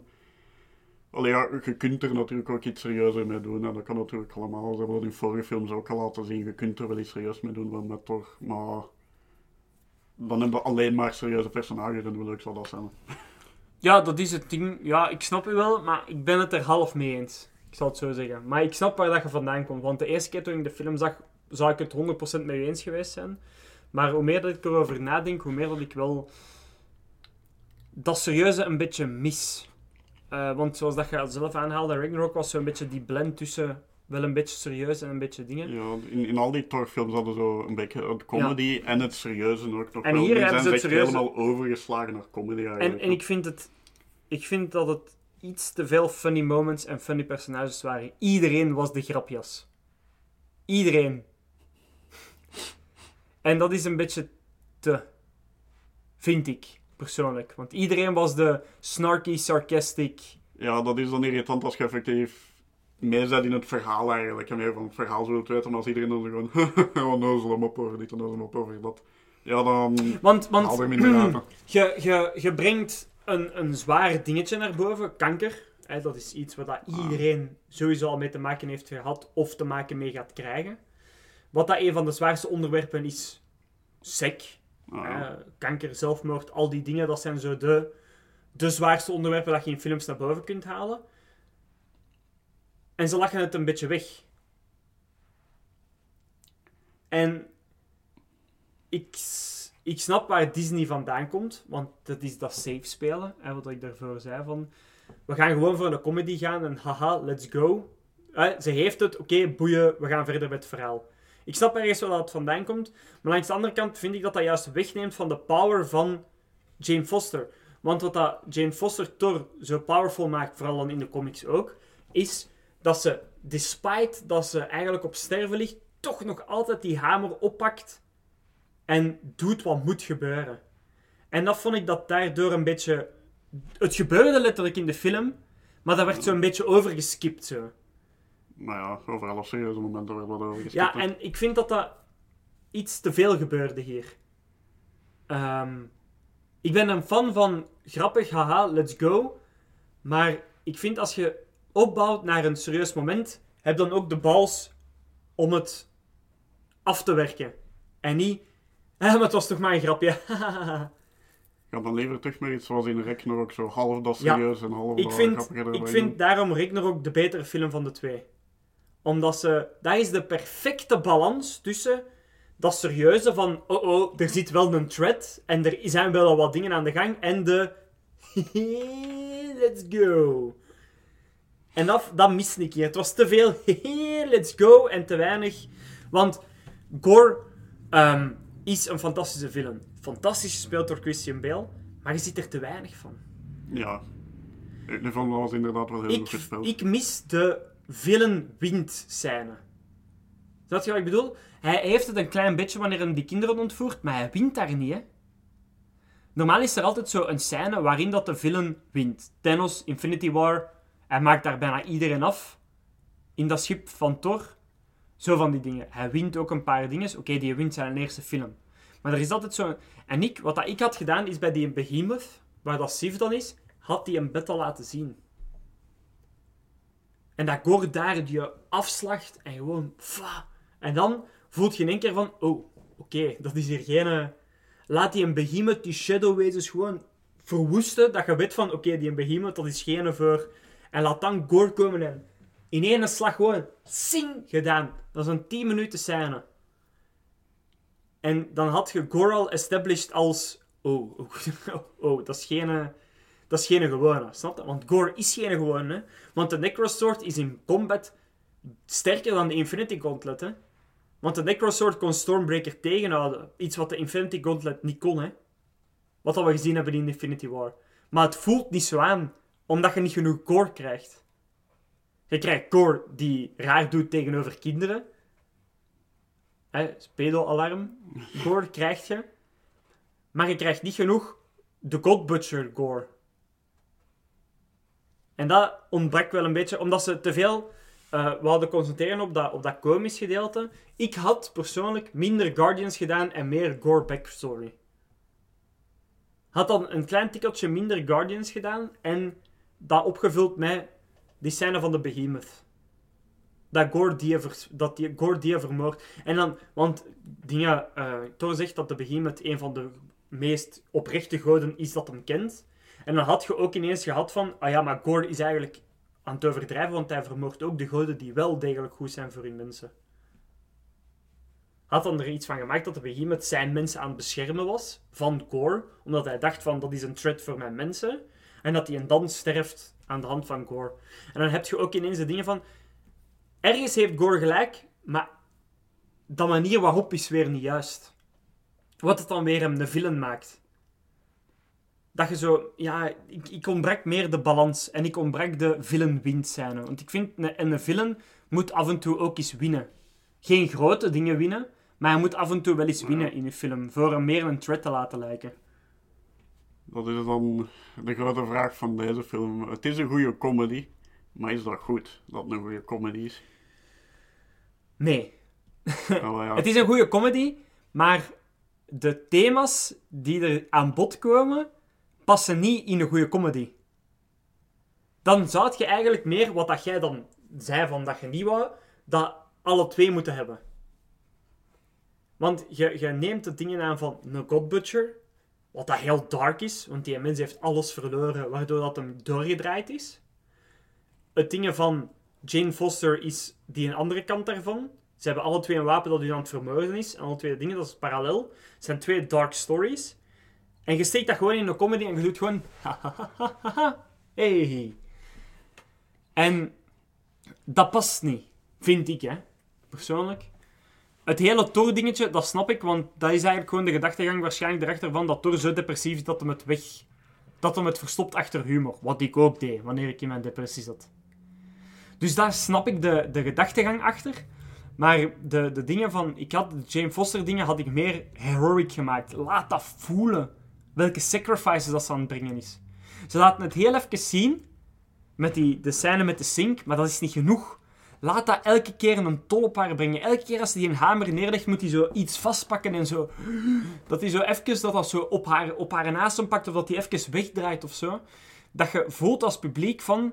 Oh, dat is iets niet goed dat ze dat aan het doen is, maar toch blijft ze het doen omdat zij vindt dat dat juist is om te doen. Snap je waar ik vandaan kom? Ja. En dat is in de comic meer. Ik ben niet zo een van die nerds van eh, de comic is beter, bla bla bla. Het is een ander medium, hè. Daar niet van. En ik snap waar dat ze voor gegaan zijn. Maar ik vind dat dat een beetje de Mighty Thor dingen er een beetje van afneemt. En meer de, de funny Thor van maakt. Terwijl ze wel degelijk echt de Mighty Thor is. Want ze, ze zorgt er liever voor dat ze zelf naar de saas is, dan dat de villain het halve universum weer kan kapotmaken. ja. Het is zoals gezegd, als het tegenwoordig wat te veel op veilig willen spelen. Soms dat je het licht en luchtig en grappig maken is een makkelijker succes als iets moeten maken met diepgang en zware thema's. Hè. Want dat is moeilijker om deftig te doen. Hè. Dat is ook gewoon Disney, hè. Disney is safe, hè. Disney staat gelijk aan safe zijn, hè. De, vandaar ook dat zoveel acteurs daar worden buitengesmeten, hè. Als je niet binnen die safe brand valt, ja, dan vlieg je buiten, hè, bij Disney. En dat is meer en meer eraan doorkomen, vind ik. Eh, en dat is spijtig, ergens. Ja, dat is goed. Want dan gaan al die mensen die daarin passen hun eigen dingen doen, daarbuiten. Ja, dat wel. Maar mijn Marvel hart breekt dat Marvel moet zijn dat het dat daardoor voor kapot moet gaan. Ja. Oké, langs de ja, andere kant, ik heb ook al bijna 15 jaar leuke Marvel gehad. Maar het breekt mij dat die personages dat ik, dat I grew to love, dat die daaronder moeten sufferen. Want Thor was leuk als personage, maar het paste niet in het soort film dat het dit had moeten zijn. Dit had meer als Ragnarok moeten zijn. Met de dingen van, je hebt Goofy Thor, omdat hem depressief is. Dus maak die de funny guy samen met Kork. Maar laat Jane een beetje serieuzer zijn. En niet ook de funny girl zijn. Laat zij de, de echte hero zijn. Laat zij het voorbeeld zijn van aan Thor wat het hem terug moet worden. Want hij is zijn heroïsme kwijt, hè. En ik vind dat Jane had hem eerder de weg moeten wijzen terug naar dat hero zijn. En naar dat vader zijn dan uiteindelijk en hele dingen. Want nu komt dat zo'n beetje out of the blue ook, zo vind ik. Want hij is gewoon de crazy nonkel die dat je toevertrouwt aan je dochter, omdat je geen andere keus hebt. Dat is zo'n beetje het ding. En ik, had, ik vond dat er ook weinig groei was in zijn personage daardoor. We hadden bijna niks, geen goed plaatsgevonden. Eh, en dat vind ik spijtig. Want ik vind een goede film zorgt ervoor dat je personage groeit. Punt gedaan. Ja, ik denk dat er daar dan inderdaad wel een goede comedy, maar alleen voor in de reeks te vallen, vergeleken met de rest, Past het niet. niet op dat niveau. Het, ik, ik- Niet qua stijl. Nee, nee. Het was een, een leuke film, maar kijk hem maar één keer. Als je meerdere malen gaat beginnen kijken, dan gaat hem je meer en meer beginnen storen. Omdat hem, er worden echt thema's aangehaald dat je zoveel meer kunt doen. Ehm, maar ja, kijk, dat zijn keuzes dat je maakt. Hè. Ze zijn voor de comedy gegaan, ze zijn Ja, voor de comedy gegaan. hè. Maar niks irritant als verspild potentieel. hè. Ja, inderdaad, want Natalie Portman kan dat spelen. Maar dat had inderdaad wel een heel interessant verhaal geweest. Dan. Voilà. Dat je daar mee had kunnen doen, maar dat is dan nu afgesloten. Hè. Dat Want dat is eigenlijk een beetje dingen in de comics ook. De Mighty Thor, want in de, in de comics is dan het dingetje dat Thor Odinson niet meer worthy is. En dat dan de Mighty Thor het overneemt en dat dankzij de Mighty Thor Thor Odinson weer worthy wordt. Als Jane Foster sterft, heeft Thor zoveel geleerd van de Mighty Thor dat hij terug worthy wordt. En ik had gehoopt dat ze dat hier ook een beetje gingen doen. En dat hebben ze niet gedaan. Een beetje een cop-out gedaan eigenlijk. Maar kijk, bon, dat is nu wat ik er nog wat... Want ik wil niet, als er mij iets zi- zit, en ik vind dat het waar is, moet ik het ook gewoon zeggen. Een kwestie van... Je moet openstaan voor beide kanten. Want ik kan even goed zeggen, net zoals bij Kenobi, als fan en domme fan, kan ik gewoon zeggen, ja. En ik heb mij geamuseerd, hè. Het was echt een amusante film. Maar het was geen perfecte film, verre van. Net zoals Spider-Man 3 eigenlijk. hè. Spider-Man 3 is een van mijn favoriete films, omdat het een plezante film is. Niet omdat het een perfecte film is, hè. En deze film ga ik met veel plezier nog eens kijken, omdat het een plezante film is. Maar zeker niet omdat het een perfecte film is. En dat is een beetje het dingetje dat ik toch wel duidelijk maak. Ehm, dan heb ik nog eh, een paar dingetjes. Ehm, de flying mechanics van Milner tokken op niks. het was gewoon echt zo... Bewijzen! En we vliegen. Ik vond het ervoor cool dat hem echt zo eerst zo wat moest, moest door zo'n beetje slingeren. En dan zo, hup. En dat hem die eigenlijk gewoon gooit en er blijft aan vasthangen. En nu was het gewoon zo... En bewijzen en we zijn weg. Dat zijn maar kleine details, hè. Dat boeit niet, hè. Maar mij stoorde dat wel ergens. Omdat ik dat gewoon een leuke mechanic vond van... Eigenlijk smet hem gewoon die een hamer weg en hij hangt er gewoon aan vast. Ja, dat dan niet een paar keer afgewisseld in deze film? Is dat niet een paar keer geweest dat ze dat gedaan heeft? Nee, het was echt Oh. gewoon... Ze, ze trok haar elleboog in en ze, ze smeet hem zo, zo gezegd naar voren. Maar ik vond dat gewoon... Dat was zo'n beetje een versimpelde versie. En ik weet niet. Ik vind dat leuke details als ze dat dan als continuïteit eh, behoudt. Maar ja, kijk, dat is, dat is misschien een dingetje van mij. Ehm, dan het laatste nog. Nee, nog twee dingen. Het, eh, het voorlaatste is eh, Lof, hè, dus de, de dochter daar van Gore, ehm, is, denk ik, gebaseerd op het personage Singularity. En Singularity is een being dat er in de comics exact uitziet als die reflectie van Lof, dus zo de omhulsel van een vrouw, maar langs binnen de sterren en het universum. Ehm, en Singularity heeft de power dat hij pocket dimensies kan creëren en naar pocket dimensies kan reizen. Nu, Die power hebben we nog niet gezien, maar die zal wel naar boven komen, want Valhalla is confirmed als een pocket dimensie. Dus we weten al waar de volgende Thor naartoe gaat gaan. De volgende Thor gaan ze naar Valhalla gaan. Ze hebben dat niet voor niks laten zien, dat iedereen daar zit. Dus oftewel gaat Thor dood in de volgende film en gaan ze hem willen terugbrengen uit Valhalla. Oftewel gaan ze Jane Foster terugbrengen uit Valhalla. Maar er gaat iemand, er gaat iemand teruggebracht worden uit Valhalla. Je gaat geen personage maken die naar Pocket Dimensions kan reizen. Valhalla confirmen dat het een Pocket Dimensie is en er dan niks mee doen in de volgende film. Dat maakt je mij niet wijs. Maar dat vond ik nog gewoon een leuk dingetje. Dat verandert niks aan deze film. Maar ik, ik zeg het nu, dat in de volgende Thor-film gaan ze naar Valhalla gaan via eh, het personage Lof, dat dan eigenlijk Singularity is. Het personage genaamd Singularity. Voilà. Ik ben uitgeluld over Thor Love and Thunder. Voilà. Wat voor score geeft je het? Ehm, ik geef het drie jaloerse bijlen op vijf.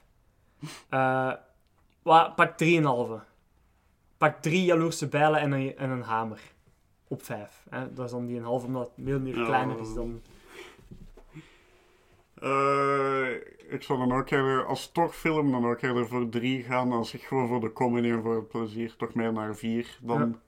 Maar ik zeg het, dan moet je echt gewoon al de rest loslaten. Ja, en er voor genieten eigenlijk. Ga verstand op nul en kijken. En dan is het Als je het gewoon beziet als comedy en een film op zich, is het echt wel een vier waard, inderdaad. Maar als, als storfilm en als de thema's dat je aanneemt, schakel ik Ja, terug naar een 3,5, omdat het, het, het laat soms een beetje te wensen over. Ja, als deel van de reeks kom- komt het minder goed uit. Inderdaad. Eh, maar ik denk dat we daar dan nu wel over uitgeluld zijn. En dan gaan we nu terug naar de toekomst, wat nog altijd het verleden is, om met Arne verder te praten wat dat hij dacht over Thor en zijn score te horen.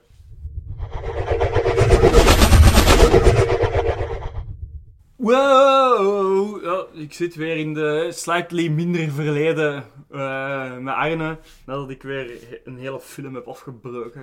Oh jee. Hele gewijs. Ehm, Arne, wat vond jij van? We zitten in de full spoiler dingen, dus eh, ga maar gewoon je gang. Wat zijn je favoriete momenten? Wat vond je minder? Wel, eh, ja, los mijn favoriete characters waren de geiten. eh. daar, daar kan ik niet, niet rondom. Dat de beste characters ooit in een Marvel film. Ehm, en dan, eh, ja, terug heel veel zottigheid met Kork, wat altijd goed is. Maar deze keer hebben ze er echt wel goed op in ge- gegaan. Ze hebben er echt op ingehamerd. Ja, ja, en nog een klein beetje. Ehm, oh ja, nee. Al bij al, ik, eh, ik was wel tevreden met de film. Ja. En vooral ook met, met Christian Bale zijn, eh, zijn depictie van, van Gore vind ik eigenlijk echt goed gedaan. Het kwam, het kwam goed tot zijn recht, vind ik.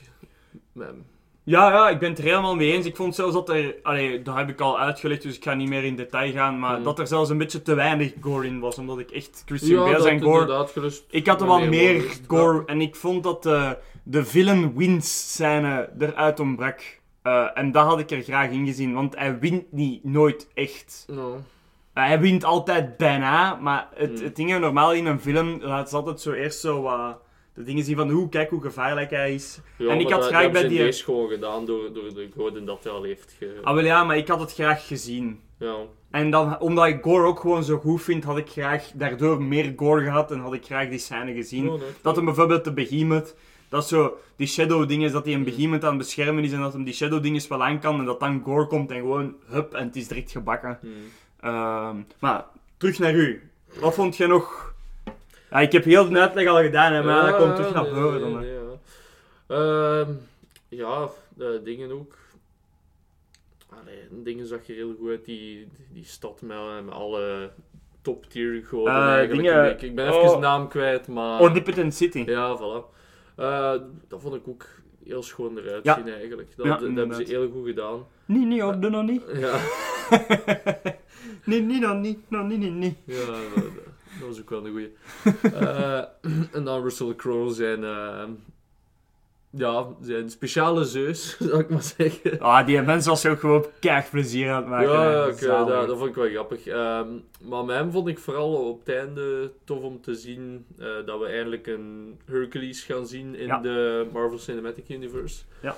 Want eh, uiteindelijk, dat is een die ook bij een van de eerdere, ja, eigenlijk Avengers heeft gezeten zelfs. Een, Ja, hij heeft, eerdere- hij heeft heel even bij de Avengers gezeten. Ja, daarmee dat ik tof vind dat hij nu eindelijk eh, toch precies een kans gaat krijgen om in de, om in de film Misschien te dat hij de nieuwe Godly Bean gaat worden in de, de nieuwe vorm van de Avengers, dat er hoogstwaarschijnlijk zit aan te komen. Ja, inderdaad, is dat. Eh, dat is zeker een mogelijkheid.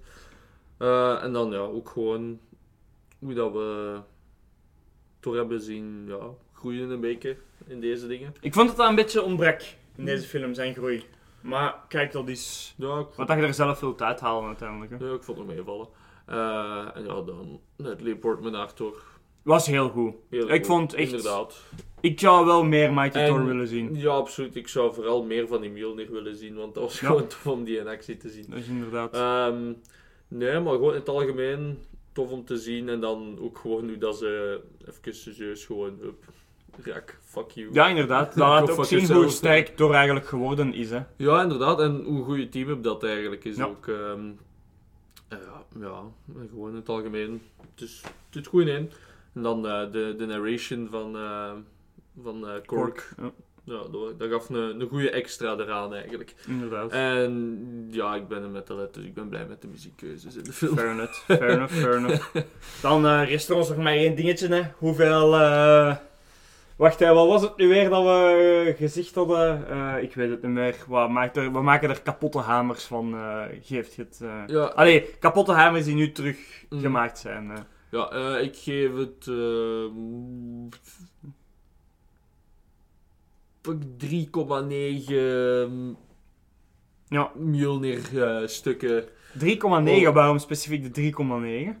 Omdat ik een 4 wil geven, maar da daarvoor hadden ze juist nog iets meer moeten doen. Ja, daar ben ik het helemaal mee eens. Ik Het- was het heel content met de film, maar voor, voor echt een volledige 4 te krijgen of meer, had, had er juist dat klein beetje extra. Wat dat ik en Jasper eigenlijk tot de conclusie van zijn gekomen is, het was een hele goede comedy, maar de- het ontbrak een klein beetje voor een goede Thor-film eh, te zijn. Omdat iedereen was de funny guy en er waren een beetje heavy dingen die gewoon weggelachen werden. En Ja. Het was een hele goede comedy, maar het was een beetje lacking in de, de, super, allee, de superhero en de, Ja. de thema's dat ze aanhalen. Maar de, de geiten krijgen wel een volle 5 Geit krijgen of wel. Mjolnir eh, fragmenten. Ja, Die, die waren gewoon te goed gedaan. En de scène waarin dat Thor wegvliegt op eh bezemsteel, Ja. Stormbreaker, dat alleen al, dat alleen al is het, is het waard om die ah, ja. film te gaan zien.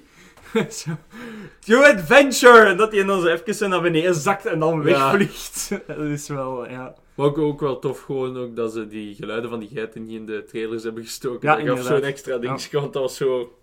Dat Je ziet zo die mensen afkomen en zo... Ja, zo eh. ja. Ja, en dan... En ook gewoon hoe dat die op... allee, op die rotslanden waar, waar dat eh Gore zat. Gewoon zo... In die rots Oh, gevlogen. weer de andere helft doof Ja. nu. Je bent op dreef vandaag, hè? En dan gewoon zo smek erin en dan die geiten zo... Oh, what the fuck? Maar overal, hè, in Omnipotent City ook, dat crashen die daar gewoon even in een random veld. Gewoon van, jepla, let's Ja. go. Dat, dat was eigenlijk het beste dan heel die film. Die Ik vond eigenlijk, eh, bij. De humor van Stormbreaker, die zo'n beetje sentient was, vond ik Ja, wel ja, ja, Ook, zo. eh, dat, hij zo, dat hem zo op een bepaald moment Mjolnir roept en dat dan zo... Stormbreaker heel rustig van achter de hoek zo. zo oh, ja, ja, ik bedoelde nu, zeker. eh, ja, Eh, het wordt tijd voor uw eerste pint. dat was wel... eh, Maar kijk, dan denk ik dat we uitgepraat zijn over Thor Love en eh, dat andere. En geiten. Ja. En geiten, Thor Love en Goats. En eh, dan gaan we nu over naar... Kijk,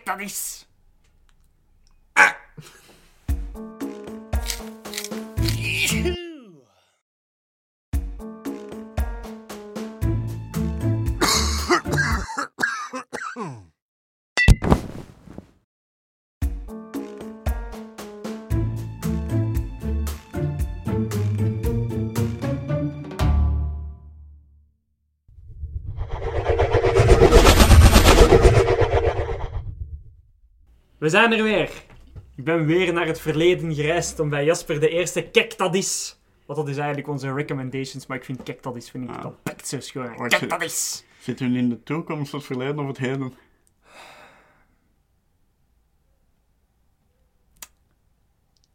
Ja, weet het niet. Niemand, weet- niemand weet het. We hebben geen flauw idee. Ik dacht, als ik lang genoeg zwijg, zal het er voorbij gaan. maar welkom in het Kijk, dat is het stukje waarin dat we zeggen wat dat je moet kijken naar godverdomme. wat moeten ze deze week kijken van u, Jasper? Eh, ze moeten niet lezen van mij. Ik ben, eh, zoals in het begin met mijn games, ben ik weer wat in een Warhammer bui geschoten Mhm. de laatste weken. En ik raad nu aan de Gotrek en Felix boekenserie. Als je wilt weten van Warhammer Fantasy, de Gotrek en Felix, dat is een soort avonturenserie waarin je een man en een dwerg volgt. Die zo van alle avonturen bleven, maar bijna overal in de Warhammer-wereld, met al verschillende rassen en van al verschillende tegenstanders en vijanden tegenkomen. En eigenlijk zo'n beetje van alles doen. Als je echt een ruime blik vult op van wat doe wat, maar van op echt vanuit het perspectief van gewoon twee van, de mensen die daar eigenlijk in rondlummelt eigenlijk en probeert niet dood te gaan. Kotrek en Felix, heel goed, heel goed geschreven ook. Ook grappig. Ja, Leuk. goeie momenten. in. zeker, zeker. Eh, is dat het, of uh, heb je nog Eh, ja, dat is voor mij. Alright. Eh, ik ga... Weet Een... wel hoeveel boeken dat, dat zijn. Ik weet al niet, ja, hoeveel boeken zijn het? Ik weet niet, een stuk of twaalf. Een stuk of twaalf. Veel boeken. Ik heb nog nooit zoveel boeken niet vast gehad in mijn leven. Dus heel veel boeken. Ehm, ik ga een YouTuber aanraden. Brown Table. Hey, heb ik die al eens aangeraden? Dan doe ik er twee. High Top films ook. dat zijn twee mannen die eh, movie essays doen eh, op YouTube. Iets waar ik ook heel hard toe aangetrokken zou worden, moest ik in YouTube doen. Ehm, die doen eigenlijk een beetje hetzelfde als dat wij hier in de podcast doen. Eh, een beetje hun review en hun passie eigenlijk delen. Want uiteindelijk, op het einde van de dag, ehm, wat maakt het uit? Wat dat wij vinden van films. Het is gewoon, wij doen deze om een beetje de hype verder te zetten van... En, en een beetje een inclusive wereld te creëren waarin dat jullie deel van kunnen uitmaken en eigenlijk mee kunnen hype zijn over films of mee kunnen klagen over films of zo. Want het is gewoon het leuke daaraan. Hè. De review op zich maakt eigenlijk niet zoveel uit.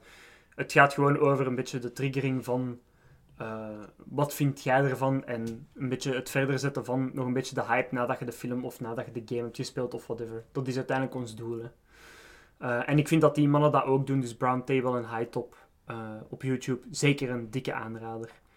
Ehm, en dan komt nu nog Arne uit de toekomst. En die gaat nu zijn dingetje zeggen.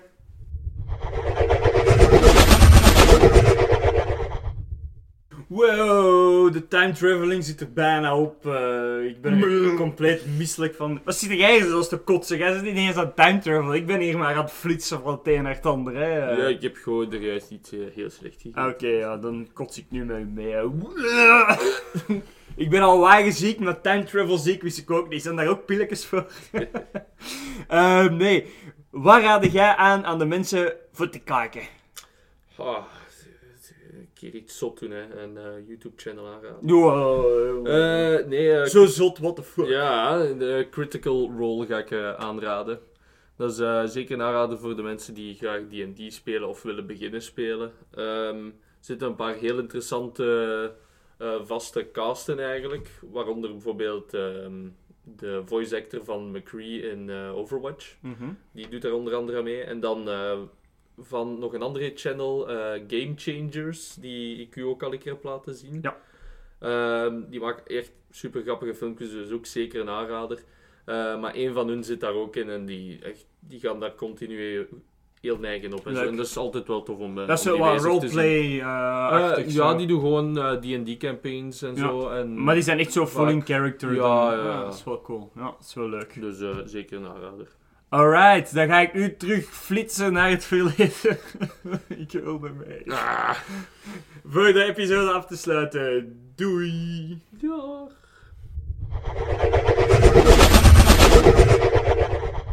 Dank u Arne om dat gezegd te hebben. Ehm, en dan gaan we nu de episode afsluiten natuurlijk. Hè. Hier in het heden verleden toekomst. hier in het heden, verleden, toekomst. We zijn er terug bij Jasper. In het heden, verleden, toekomst.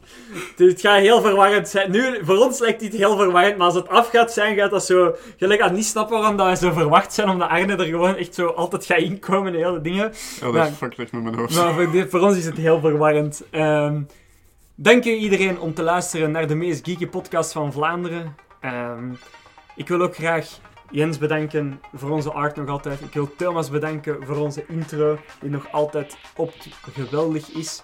Ehm, laat ons weten wat jullie vonden van het, eh, dat we nu de recommendations kickstaddies noemen. Eh, laat ons zeker weten. Feedback is altijd welkom, nog steeds. Wij willen nog altijd groeien in onze podcast. Allee, dat denk ik toch Eh, ja, toch wel maar toch toch, nog altijd, hè. Ehm, en dan wil, ik jullie, dan wil ik graag nog één eh announcement maken. In september gaan wij een maand pauzeren.